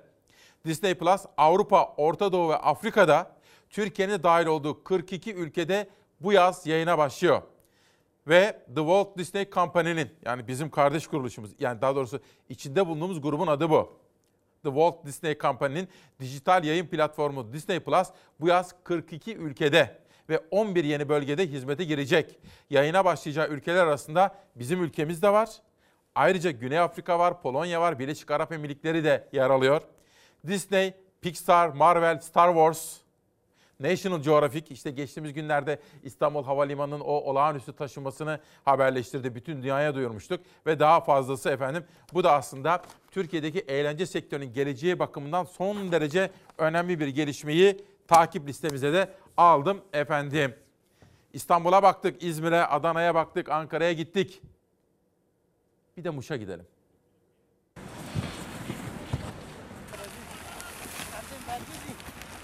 Metrelerce yüksekte bir halatın ucuna bağlı ölümle burun buruna ekmek parasının peşinde hayatlar. Burası Muş. Her kış yolları metrelerce karla kaplanan kentte çatıların çökme ve kar kütlelerinin düşme riski yüksek. Yolları iş makineleri ve esnaf temizliyor. Ancak çatılarda tek çözüm insan gücü. Riski yüksek ama işe ihtiyacı olan için başka yolu yok. Çatıya çıkıyoruz, ilk önce ipi bağlıyoruz. Sonra karı temizliyoruz. 150 milyona. Çalışıyoruz, hamalı yapıyoruz. Kar temizliyoruz. Çoluk çocuk parası alıyoruz, çocuk, çocuklara ekmek alıyor götürüyor eve. Olması gereken kancalı çelik halatlarla işe koyulmak ama onların elinde olan bu ince halat. Bellerine bağladıkları o halatla canlarını güvenceye alıp ya da aldıklarını sanıp metrelerce yükseklikteki binaların tepesinde kayıp düşme riskinin tam ortasında kar temizliği yapıyorlar. Tüm bu riskler günlük 150 lira kazancı evde ekmek bekleyen eşe ve çocuklara götürebilmek için. Şimdi ben bir şey söyleyeceğim. Hani annemiz babamız hep söylerdi ya, ya şu yaşıma geldim ilk defa bir şey duydum diye. Şimdi yeni bir şey öğrendim. Önce bakın. Mücahit Öncü. Diyarbakır Bismil'den bütün Türkiye'mize ve size salep ikramında bulunan Batmanlı kardeşimize selamlar diyor. Büşra salep getirdi demiştim ya. Bu arada dün bir mesai arkadaşımız Berivan var burada. Berivan da konuşurken ya halam sizi çok seviyor falan dedi. Ne adı dedim. Adı Fatoş dedi. Soyadı dedim Çelik dedi. Ara dedim aradık konuştuk. Bir anne tedavisi de devam ediyor. Dört çocuk yetiştirmiş. Fatoş Hanım'a, Fatoş Çelik'e de buradan selamlar söylüyorum. Fakat ne öğrendim bu hayatta? Bir yudum alacağım su. Arkadaş televizyona çıkıyor, çıkıyorsan televizyona çıktığın dakikalarda salep içmeyeceksin. Tabii sıcak iyi geldi soğuktan sonra ama salepte çünkü şöyle göstereyim de ne öğrendim? Şimdi ben tabii televizyoncu değilim. 9 yıldır buradayım ama ben aslında gazeteciyim. Bakın salepte tarçın var. E baş tarçınsız salep iyi olmuyor. Ben de sıcak sıcak o soğuktan sonra içeyim dedim. Büşra sağ olsun. Ama televizyon yayınında boğazınızda rahatsızlık yaratabilir efendim. Bunu öğrendim ben de. Savaş gel. Faturayı kim ödeyecek? Barışçı arkadaş Atatürk Havalimanı yeniden açılsın diye bir kampanya başlattı. Özellikle İstanbul Havalimanı'nda bazı terminal binalarında yaşanan sıkıntılardan ve oralardaki tahliye sorunlarından sonra. Yeni Şafak, İstanbul'da kar yağış sonrası ulaşım çöktü. Vatandaşlar araçlarını yollarda bırakıp yürüyerek evlerine gitti. Yan tarafa geçelim. Tüm yollar açık. Kar eğlenceye dönüştü diyor. Bu arada tabii işte farklı gazeteler ve televizyonlar olaylara çok farklı yaklaşıyorlar. Bir kısmına göre hükümet aktan çıkmış. Ne diyorlar? Sütten çıkmış ak kaşık. Öbür tarafa göre belediye sütten çıkmış ak kaşık. Oysa bence vatandaş da dahil bu yaşadığımız sorunlarda herkesin ihmali ve hatası var. Bunu konuşalım ki bir sonraki sorunları baştan daha yaşanmadan bertaraf edelim. Enerji Bakanı Dönmez, benzini en ucuz kullanan ülkeyiz. Avrupa'da ortalama 26 lira, Türkiye'nin iki katına yakın. Bu yorumları nedeniyle sosyal medyada çok eleştiri aldı bakan. Uğur Gürses, krizi saklayarak yönetmek diye bir başlık attı. Neden? Gökhan Yardım'ın, BOTAŞ'ta geçtiğimiz dönemlerde önemli görevlerde bulunmuş bir isim. Tuz Gölü ve Silivri depolarının günlük enjeksiyon, geri üretim ve stok verileri ay bazında gün gün yayınlanıyordu. Biraz önce değişti. Sadece o günkü geri üretim verileri yayınlanıyor. EPH şeffaflık platformu da 18 Ocak'tan sonraki depolama verileri de kaldırıldı. Neden? Çünkü ana muhalefet partisi lideri rakamları ortaya koydu ve Enerji Bakanlığı'nı eleştirdi. Çimento'da üretimin uzun süre durma korkusu başladı. Bakın mesela seramik sektörü çok olumsuz etkilendi. Demir çelik sektörü olumsuz etkilendi. Çimento, bütün bunlar çok yaşamsal sektörler ve bunlar çok olumsuz etkilendi doğal gaz ve elektrik kısıntısı nedeniyle. Bu yaşanan karkış, ulaşımda tedarik zincirinde yaşanan kırılma ve sorunlar semt pazarlarını da olumsuz etkiledi. Çok boş yalan yerler var. Sebzecilerin malları pahalı, meyveciler pahalı. Onun için açmadılar bunu. Halden mi geldiniz? Yok abla yok hal kapalı. Siz nereden geldiniz? Ben mi? Evden geldik. E mallar nereden geldi? Mallar dünden. Dünden kalan. Ürünler dünden evet bugün hal kapalı. Fiyat farkı oldu mu? Fiyat farkı illa oldu. Ne kadar oldu? Vallahi bugün hal kapalı olduğunu bilmiyoruz. Ama fiyat farkı var yani. E siz dünkü ürün sen dünkü fiyat değil mi? bu? Zaten dünkü fiyat ama yarınki falında değişir yani. Bugün dünün malları, dünün fiyatlarıyla yine de pahalı geldi tüketiciye ama yarın daha da pahalı olacak uyarısı var. İstanbul'da etkili olan kar yağışı sonucu tem otoyolunun kapanması, şehre girişlerin kapatılması gıda fiyatlarına halde yansıdı. Haldeki gıda fiyatlarına yarından geçerli olmak üzere %20 zam geldi. Bugün hal kapalıydı. Semt pazarlarında tezgahlar kurulamadı. Kurulan tezgahlarda bir gün hatta bir hafta önceden kalan ürünler satıldı. Aslında bu boş görünen yerlerde pazar tezgahları vardı ama olumsuz hava şartları nedeniyle pazarcılar yollarda kaldı ve tezgahlarını açamadı. Birçok tezgah gelemedi. Yok mal yok ki. E bu ürünü nereden aldınız? Bunlar dünden kalma. Mal yok, mal yok. Bu eski mallar bunlar. Daha geçen hafta almıştım da onlar. Yeni gelen mal yok, al kapalı zaten. Bulabildiniz mi bir şey? Vallahi bulamadık yavrum pazar ka- şey baksana. Boş dönüyorsunuz. Evet boş dönüyoruz. Ne yapacaksınız? Manava mı gideceksiniz? Bilmiyorum manava nasıl gidelim manav da pahalı. Manava markete gitmek istemediği için karkış demeden, buzlu yollara aldırmadan bir umut pazara geldi tüketici. Biraz daha ucuza alabilmek için sebze meyveyi aradığını bulamadı. Bir şey bulabildiniz mi? Maalesef. Ne yapacaksınız? Baştan sona geldim. Her şey çok pahalı. Hayat pahalılığına bizi mahkum ettiler. Yani resmen mahkum ettiler bizi hayat pahalılığına. Ne kadar olmuş? Kar fiyatlara yansımış mı? Valla bakmak bile istemedim çünkü param yok. Alacağım 3 tane alacağım, 4 tane alacağım. 15 lira. 3 tane almam lazım. Alacak dört mısınız? kişiyiz, Evet. Mecbur. 3 tane alacağım ama fazla değil. 5 lira. 5 lira nasıl? Üç salatalık. Bir seferlik yani. Kar olduğu için tezgahlar açılamamış. Ne yapacaksınız? Ya öyle ama bu bahane değil bence. Hayat pahalılığı zaten kardan önce de vardı. Tüketiciye göre kar bahane, zamlar hep var. Bir kilo nohut sordum 30 milyon. Kardan dolayı tezgahlar da kurulamadı. Fiyat da böyle pahalı. Fiyatlar biraz daha uygun oluyor ya pazarda. Yo genellikle hep böyle. Biberin kilosu 20 lira. Artık millet nasıl alıp yesin? İkna olmuyor tüketici. Ucuz görünen bir ürünün altından mutlaka bir sebep çıkıyor çünkü. Mandalina 3 lira. 3,5 lira efendim. Nasıl başardınız bunu? Bunlar çıkma mandalina biraz kabukları lekeli. 3 lira portakal yani ucuz. Bu portakal mandalina mı? Portakal. Ha, Bu mandalina. değişik bir portakal. Evet. Aynen. Hani ben sizlere söylemiştim ya her yıl bana Mehmet Dudu böyle Atatürk ajandası hediye ediyor demiştim.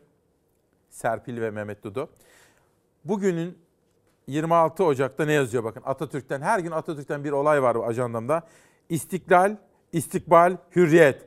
Her şey adaletle kaimdir. Atatürk. Adalet yoksa hiçbir şeyin anlamı yok bakın bu dünyada. Önce adalet. Onun için Adalet Bakanı eleştirdim. Önemsiyorum yaklaşım ve tutumlarını. Ama burada Sedef Kabaş konusunda hata yaptı. Ve iki gazete kalmıştı. Birisi Ege'den, birisi Akdeniz'den. Yeni bakış, bakkal fişi çekti manşetiyle çıkmış. Kenan Yeşil'in manşeti. Elektriğe kademeli gelen zam ve bakkalın yaşadığı sorunlar.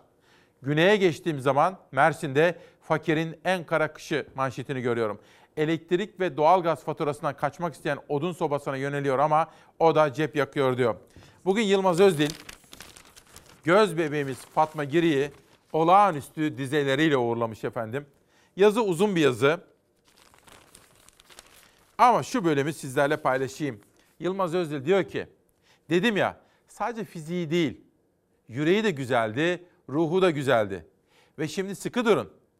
1989 yerel seçimlerinde Sosyal Demokrat Halkçı Parti'den belediye başkanı seçildi Şişli'de. Genel Başkan Erdal İnönü. 52 binden fazla oy aldı Şişli Belediye Başkanı seçildiğinde. Aynı seçimde Tayyip Erdoğan da Beyoğlu Belediye Başkanı adayıydı. O 21 bin oy aldı. Açık farkla seçimi kaybetti diyor. 30 yıl önce Fatma Girik gibi laik, özgürlükçü, eşitlikçi, insan haklarında rol model olan sanatçımızı belediye başkanı seçen, Tayyip Erdoğan'a ilçe belediyesi bile teslim etmeyen Türkiye'den diyor ve karşılaştırma yapıyor. Yılmaz Özdil sizlerin dikkatinizi çekmeye çalışıyor efendim. Ve Handan Kara'nın sesiyle Fatma Giri'ye veda ederken.